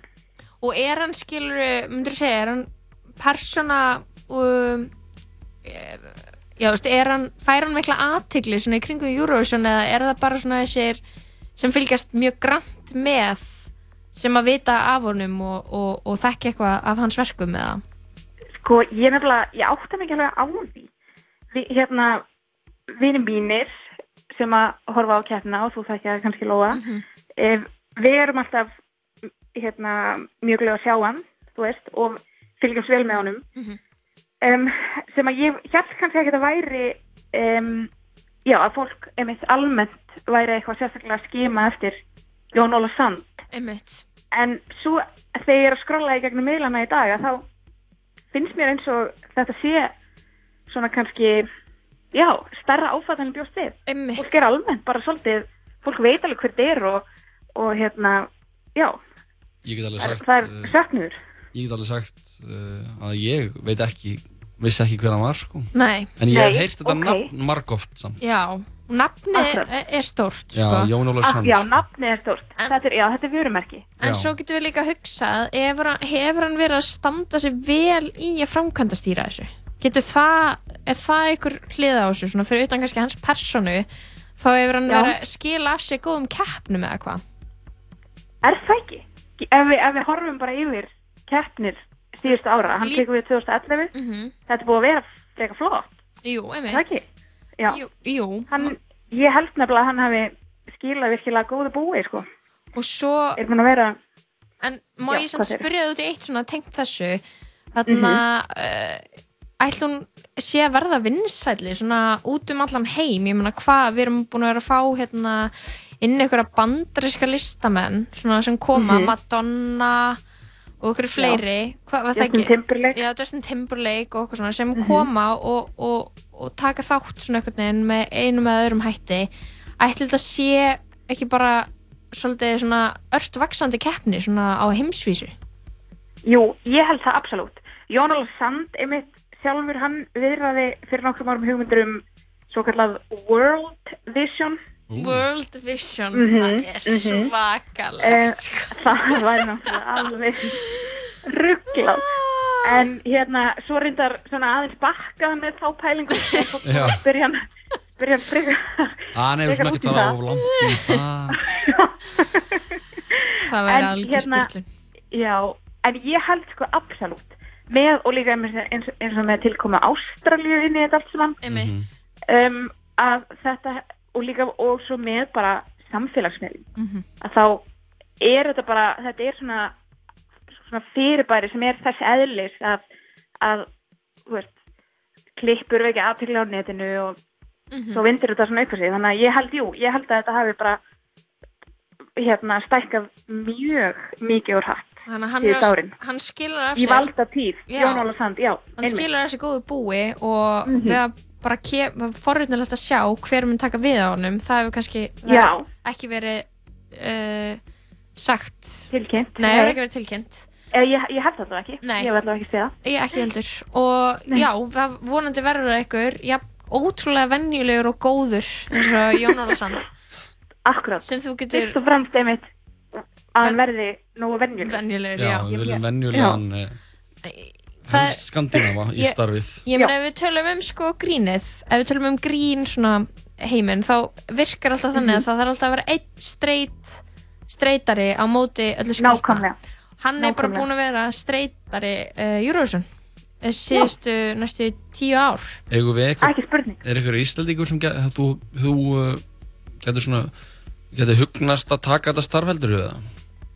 Sko, Felix væri til í þetta eða? hann, hann væri náttúrulega kannski sterkur kandidat Já, að því Jón Óla var Felix einu sinni Einmitt. þannig að þetta er kannski rökrétt svona framvinda ferils Ég meina að það væri klikkað ef einhver Íslandingur myndi landa þessari, þessu stóra Mhm. jobbi sko kannski Gunni og Felix Gunni og Felix Já, tveir 50-50 Já, Herri Stína, Það er takk, algjörlega takk fyrir þarna, spjallið og, og bara já, takk fyrir þessa útskýringu og deila þessu með okkur Já, bara takk sem leys, mér var ánægðan þakka ekki að læg fyrir sinna Ok, Bless, bless Bye Herru, það er eitt Eurovision lag núna. Jú, það er komin, svo sannlega komin tíma í Eurovision, það er náttúrulega gott núna í haustinu, nú getum við að vera að spila Eurovision tónlist og við erum klálega ein að því, Já, við erum eina því út af því að það er ekki Eurovision season. Einmitt, við getum alveg fullir það að eh, þetta lag sem ég ætla að spila verður ekki spilað á neinni annari út af stöð í dag eða, eða næstu vikunar eða næstu vikunar Næ, fáum að heyra Þetta það. Er Birgitta Haugdal lagið Open Your Heart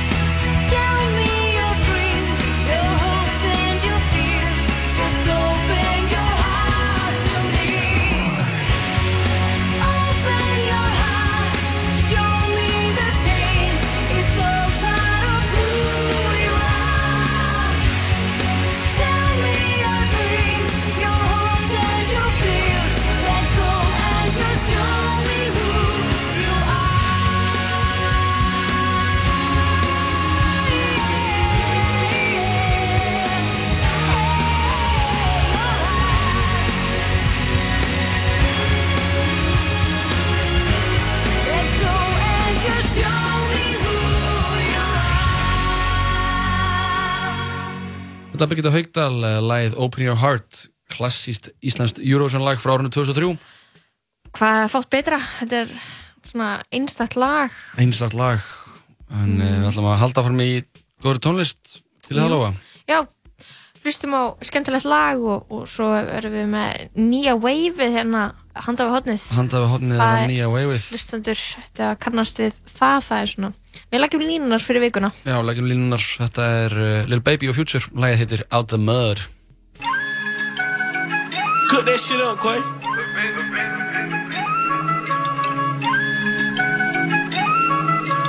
I've been riding around, man, every time out.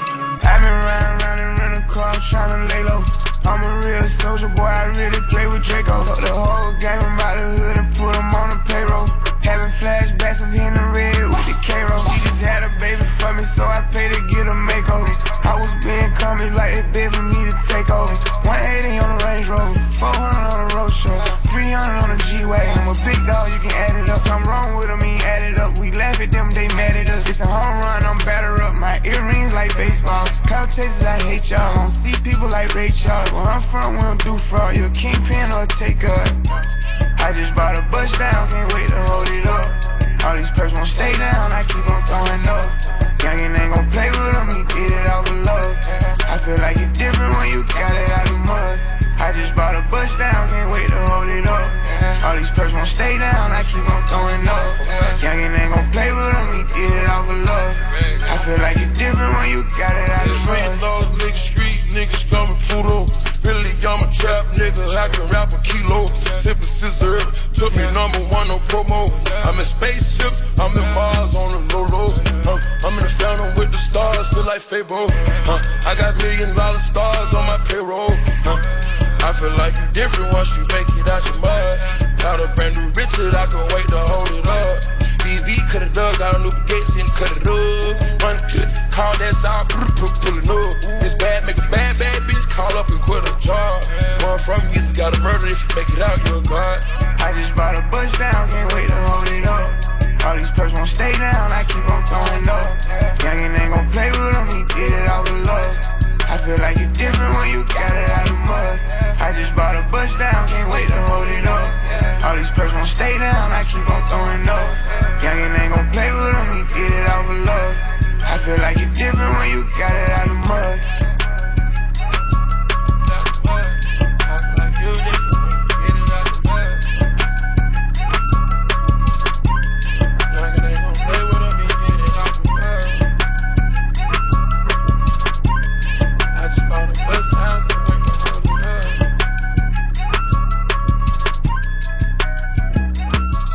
Lil Baby og Future lagið Out the Mud þegar klukkuna vantar uh, 32 minnir í 6 hérna á þessum uh, ágæta mánundegi í sítið tala saman.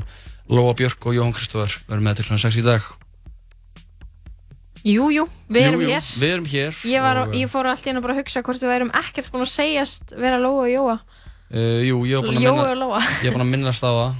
Já, og ætli ykkur verið að hlusta bara váka hana uh, bylgjanur og hún skrítin. Djók. En þú, betur, tölum aðeins um nýja waveið, já það er ný, ný komið að nýja waveinu Já, já, já. Uh, það var satt umræða í bítinu í morgun sem uh, það er klippa inn á vísi uh, sem er búin að fá tölöfura spilun bítið er náttúrulega morgun þáttur bylgjunar og uh, þar er fyrirsögninni CBD-ólja geti hjálpa mörgum hættulegs, hættulegs en bönnuð á Íslandi Emmitt. og uh, já, við ætlum bara að ríða á það og segja bara CBD-ólja sé nýja waveið Já, en finnst þér hún hjálpa? uh, já, hún getur bara hefur hjálpað mjög mörgum og En er virknanar, þú veist svona, er það vísindalega sannað? Ég, ég, það er eina sem ég hef heyrst að það er svona óljóst nákvæmlega hvað CBD-olía getur gert. Uh, já, hún getur verið svona Er hún notuð sem svona kvíðastillandi eða verkastillandi uh, olía? uh, já, Já. já og mikið í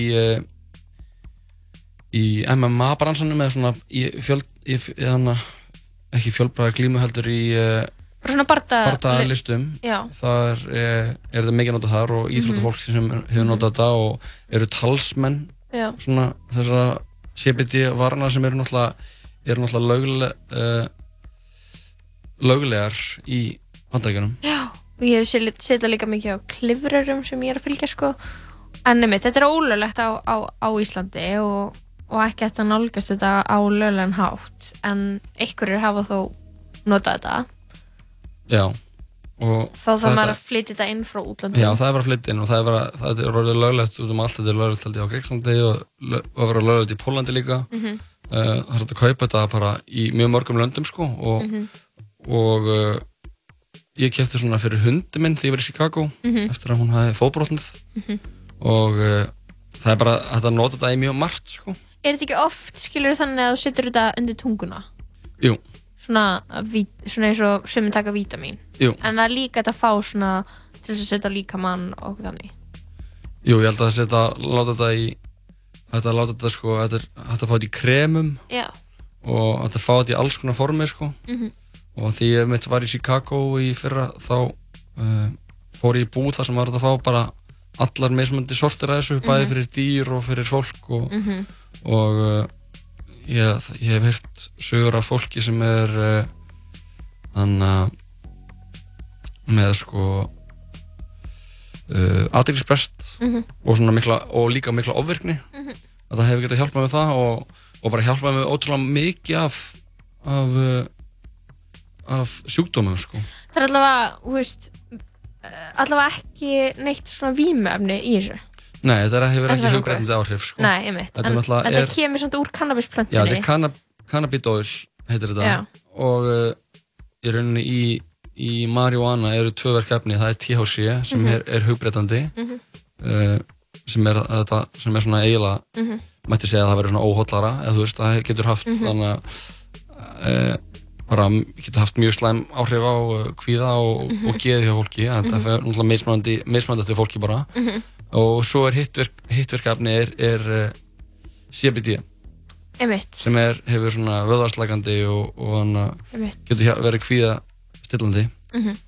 og uh, og þó við séum kannski, við erum kannski beint að segja og þú ættir að, ættir að fara núna og útvega þér ólöglega CBD þá erum við meira svona benda á, þetta er svona trend já, í er bara, heiminum. já, þetta er bara það sem hann að að það, þetta er náttúrulega bara í rauninni svo uh, verkjalið, er náttúrulega bara einhver lif sem einhver, einhver mm lifið er búin að búa til og í Mhm. því það hefur einhver ákveðna virkni og ég lesur um að, að CBD geti haft bara suma áhrif nema, Mhm. nema þegar að þetta er náttúrulegt þetta er Mhm. unnið upp á plöntu þá getur það haft áhrif á fleiri tauga enda heldur en endilega Já, einhver lif einmitt, þannig að já, mér er bara annað mikilvægt að uh, ég held að séum eflust margir sem að veit ekki að þetta sé ekki það sem kemur þér í vímu nei, ég veit, það, má, já, það, er, það, það náttúrulega er það þarf að vera á hreinu sko. Já, út af því að þú veist það er um, umræðan um skilur löglegingu fíknefna á Íslandi er ekki alveg beint á þeim stað að það væri eitthvað lógist næsta skref. En þú veist, það er alveg hægt að færa með góð rauk fyrir því að þú veist, ætti að afglæpa vaða fíknefni Já, já, og næstu fíknefna en þetta er samt ekki það, bara svo að það sé á hreinu. Nei, nei, nei, það er önnur umræða sko, Mhm. og það hefur og, hana, og ef út í hann er farið þá langar mig að benda fólki líka á hana, uh, þetta er á Netflix sem heitir Explained, The Mind Explained og það Já. er bara að fjalla um alls konar málefni hana, bara mannshugans og hvernig hann Ok. virkar og, og uh, eitt þáttur sem fjallar um áskilunni lif Mhm. og það er verið að fjalla um hvernig, að vera, hvernig bandaríkir voru að nota áskilunni lif sem voru sko í, í læknistilgangi Mhm. uh, fyrir nokkrum áratugum Mhm. og síðan var það þegar, þegar Nixon tók við sem uh, það var öllu voru öllu lokað Mhm. lokar allar rannsóknir og þetta var, var allt gert að einhverjum svona Mm, skrætt, skrýmslavætt þessi efni og Einmitt. þetta væri allt bara hræðalegt og þetta væri allt bara til eins verra Mhm. og það hefur ábyggilega þú veist, CBD hefur náttúrulega bara liðið fyrir það Mhm. að vera, að vera einhvern veginn sett í sama uh, flokk og uh, Mhm. bara fíknefni, þetta er náttúrulega bara eins og veit ekki, eins og bara eitthvað En ég menna, þú veist, þetta um, umræðan er kannski á, allt um stað eh, annar staðar heldur en Íslandi, sko. Já, hún er það. það, Er ekki, þetta er ekki svona, ég meina, uh, ég hef verið í löndum þar sem er bara að taka bara CBD-drykk og var ekkert eitthvað, Ég meina, það og það klikkur lönd, skilur, það er bara það basic, kaupa skilur. góstrykk með CBD og Já, bara í, í bara í New York fylki held ég sko Einmitt.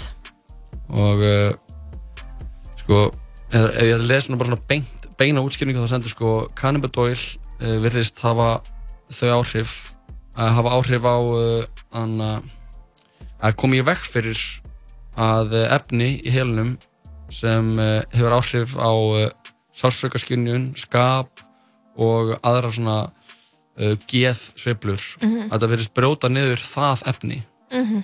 þannig að uh, þegar það er brotið niður og þá eikst það í, í blóðstyrminu Mhm. þá verðist, verðast sko hann að geð svona einhverja geð sveiflur að, að lækka eða svona Einmitt.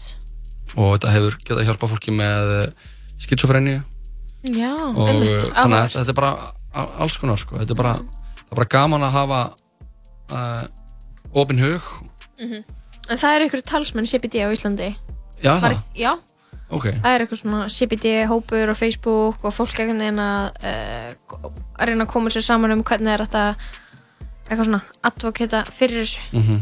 fyrir, þú veist, löggjafanum emitt En já, hvað, og sástu umræðina um þetta í bítinu? Það, ég sá bara að það var umræða Mhm. og þetta var vinsal klippa þannig að vera bara, ok, heyrðu, fyrst að þau eru að taka umræðina þá verður það að gera það líka Mhm. og uh, langaði bara að hafa þetta sem, uh, Nýja waveið sem nýja waveið þessa vikuna I love. Og uh, fáum bara eitt lag hérna og síðan höldum við áfram að spjalla. Kannski einn frétti viðbótið eða svo?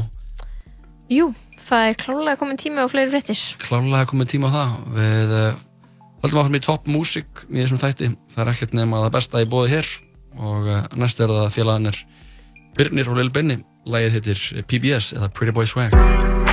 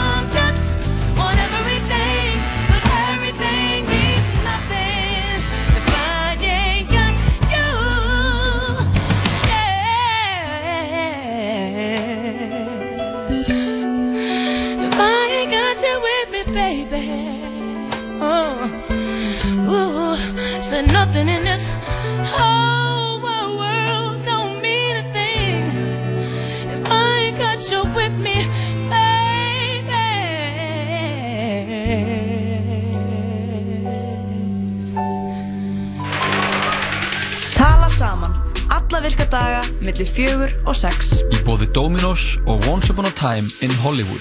Komin í bíó. Hjá sambandinu taparu aldrei gagnamagni. Sambandi. Símafélag framtíðarinnar. Vantar þig smið? Samsmíða. Fagmennska og stundvísi. Samsmíða Sama hvort þú sett grænmyndisæta, vegan eða elskir kjöt þá bjóðum við upp á mat sem er góður fyrir alla Serrano Fresh, Happy, Max. Þú getur hlusta á alla þættina af Tala saman á Spotify. Já, þú getur hlusta á alla þetta að tala saman á Spotify. Spotify.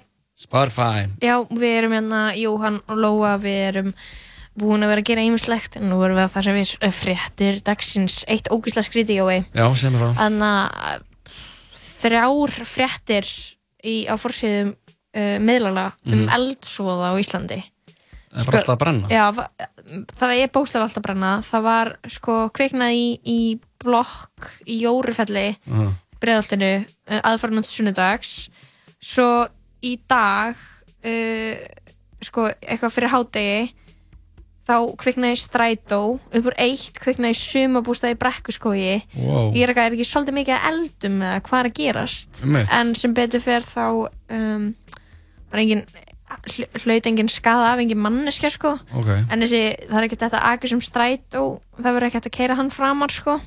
Nei, hann er bara búinn að vera. Já, bara leð, mjög leðilegt sko. Og, og þessi stræt og já, þessi sumabústaður hann er líka alveg alveg ónýtur sko. Mhm.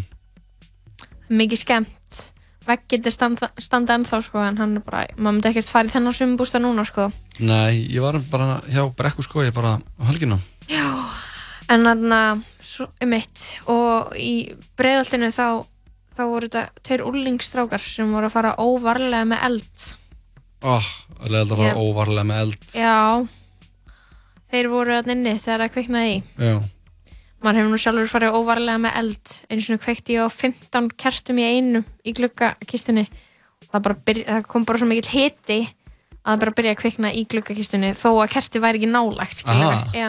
Upp, þá upp í svona, upp í loftinu þá eða, Nei, bara við hliðin á. já, bara kom eldur já, bara getur ímyndað er bara manneskja sem er kertasjúk kveikir á öllum kertanum sínum í einu og hefur þau öll á sama stað já það er, það bara hiti og Já. það bara kviknaði í það er náttúrulega mjög, ég, hef- ég Það held bara ekki sagt þér held ég að það sko. veri, Já. og það hefði getað enda illa. já, Kannski voru þetta, voru þessi drengir í þessum, yfir að kveikja á, kertasjúkir kveikja á kertum. Vildu hafa þau cozy? svo ó- óheppilegt sko þegar þú segir tveir úlingstrákar í blokk í byrjuðoltinu að fara óvarlega með eld það er bara þeir voru að reykja eitthvað Já. það er að fyrst sem ég hugsaði sko Ég hugsaði bara að þeir voru að kveikja kertum. þeir voru, Og þeir voru bara við kveikjum einu Við kveikjum þúsund kertum á Það er að kalla fram Satan eða að bara hafa kósi. Já, horfa á The Great British Bake Off. Ætlaðu að gera það. Þau er bara, mamma, Anna, Jó er að koma til mín, við erum að fara að horfa á Great British Bake Off, ok, má ég kveika kerti, ok.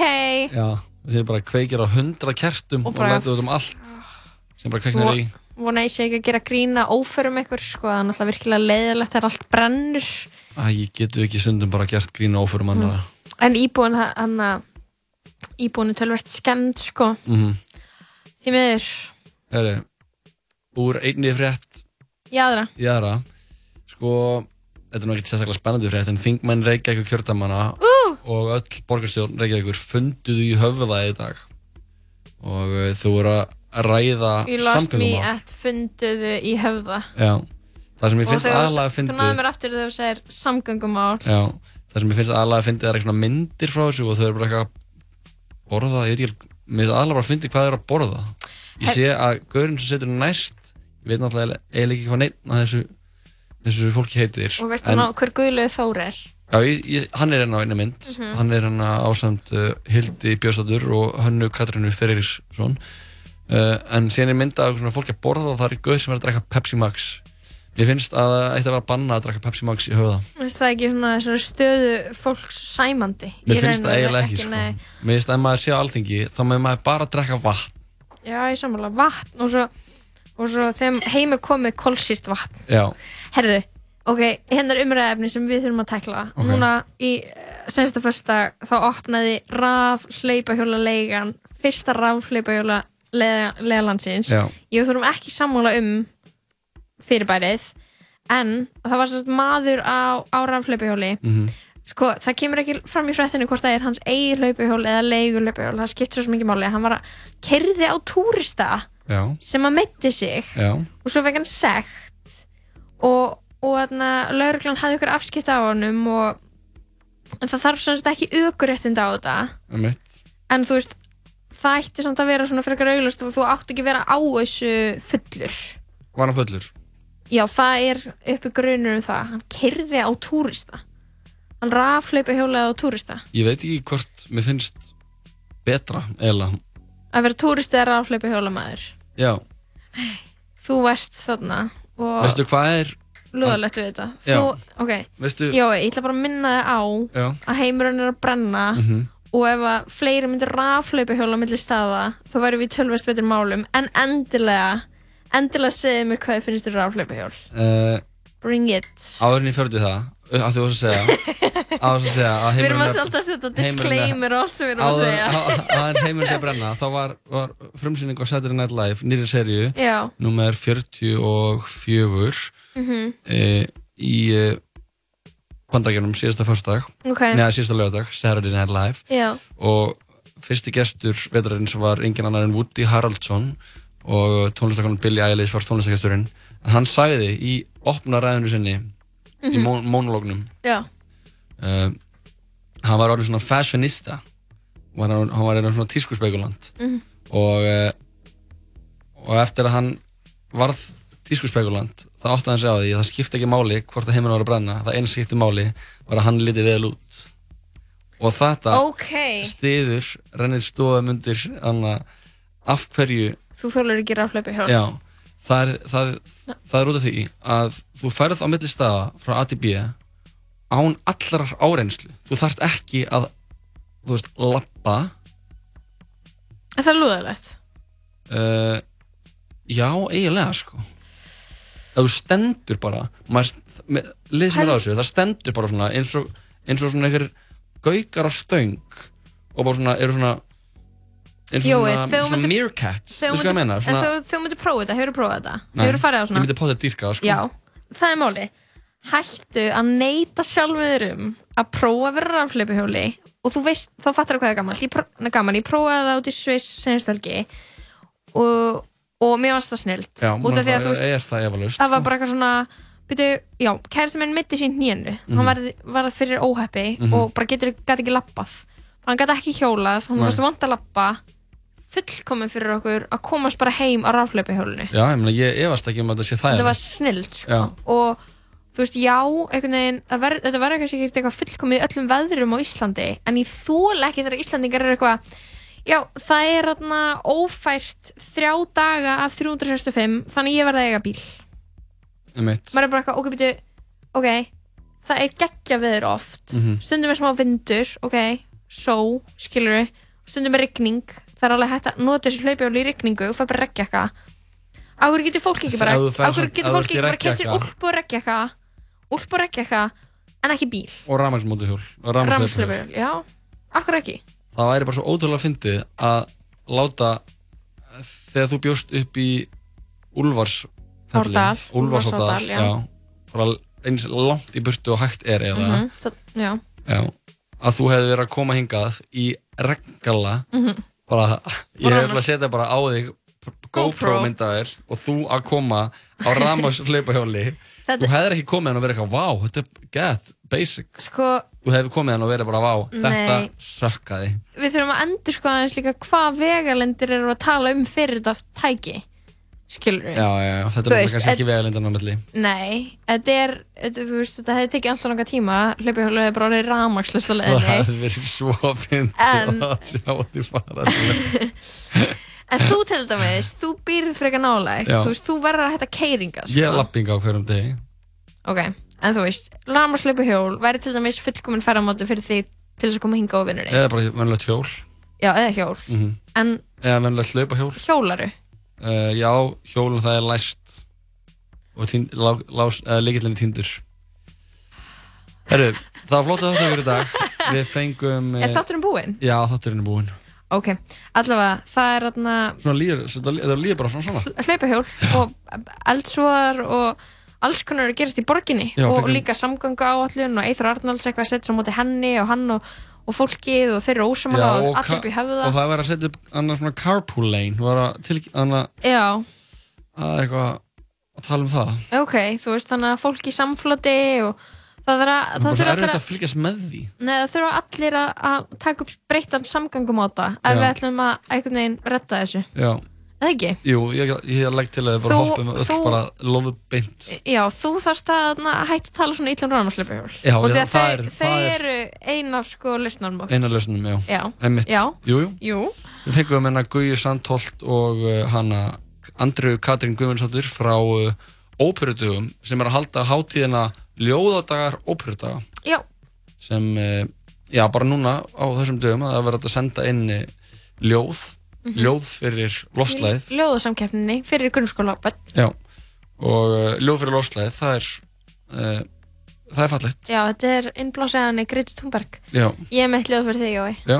Það er svona Jói Hættu. Hættu að gera grín að fyrir okkur Jói. og, já, það varst ekki búinn? Nei, það var ekki búið. Ok, ok, ok, halda Ég hann sagði, Jói, Mhm. hættu. Já, Það er búið Það er búið. Ég þurfti bara að klára það já, við þakkum fyrir okkur í dag og verðum sjálfsög aftur hérna saman tíma morgun Jú, jú og uh, endum þetta á Drake og Rick Ross lægið hittir Money in the Grave Og bye Yeah. Okay. Lil CC on that beat. Mm. Yeah, yeah. I mean, where the fuck should I really even start? I got hoes that I'm keeping in the dark. I got my niggas cross the street living large. Thinking back to the fact that they dead, thought my raps wasn't facts till they sat with the bars. I got two phones, one need a charge. Yeah, they twins, I could tell they ass apart. I got big packs coming on the way. I got big stacks coming out to save. I got Lil Max with me, he the. It's a big gap between us in the game. In the next life, I'm trying to stay paid. When I die, put my money in the grave. When I die, put my money in the grave. I really gotta put a couple niggas in their place. Really just lapped every nigga in a race. I really might tap realest nigga on my face. Lil CC, let it slap with the bass. I used to save hoes with a mask in a cave. Now I'm like, nah, love, I'm good, go away.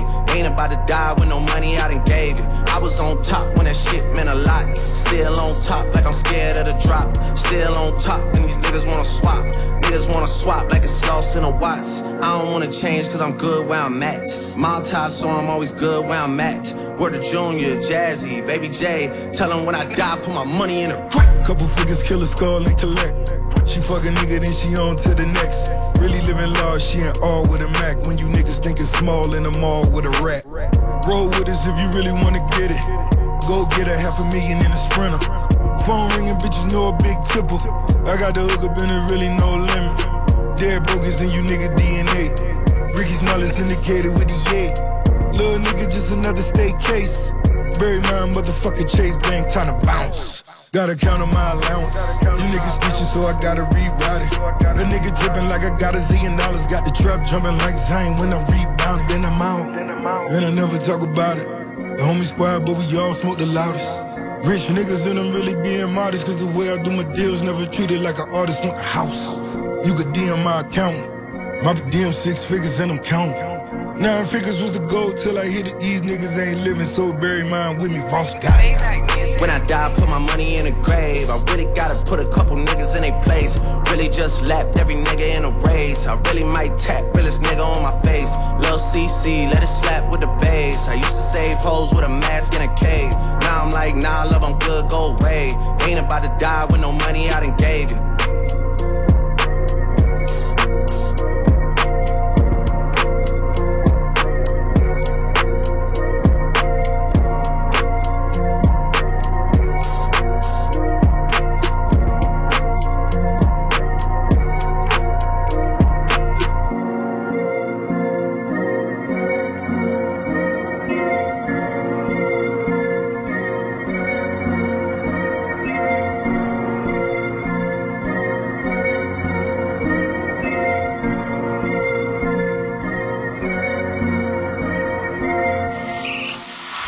Með okkur á Twitter og Instagram at 101 Live Radio. Mér vantar ekki stelpu til að ríða. Mér vantar stelpu til að njóta ásta með. Ég er ekki þekkti fyrir að býða Hún heyrir í mér og hún reykir eina fría. Hún er fara út, ég er koma inn. Hlöggi kemur til mín, besti minn. Hún á tvíburi systir og það eru twins. Réttu með tvöfald af því ég er alltaf að sækja wins. Engi fóldrar, baby girl var fóstubad Hún hattar á mig því að ég er alltaf að rosta hana. Hún gaf mér hálsinn, póstasaft Og leið mér taka minn, það ekki er fríkja Það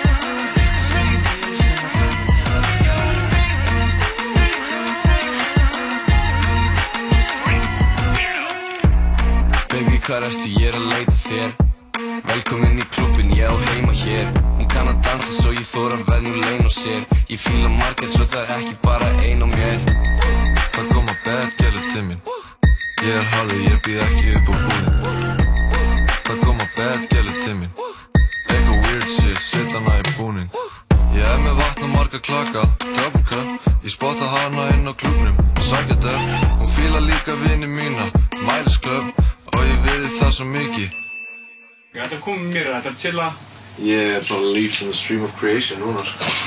The wind has me now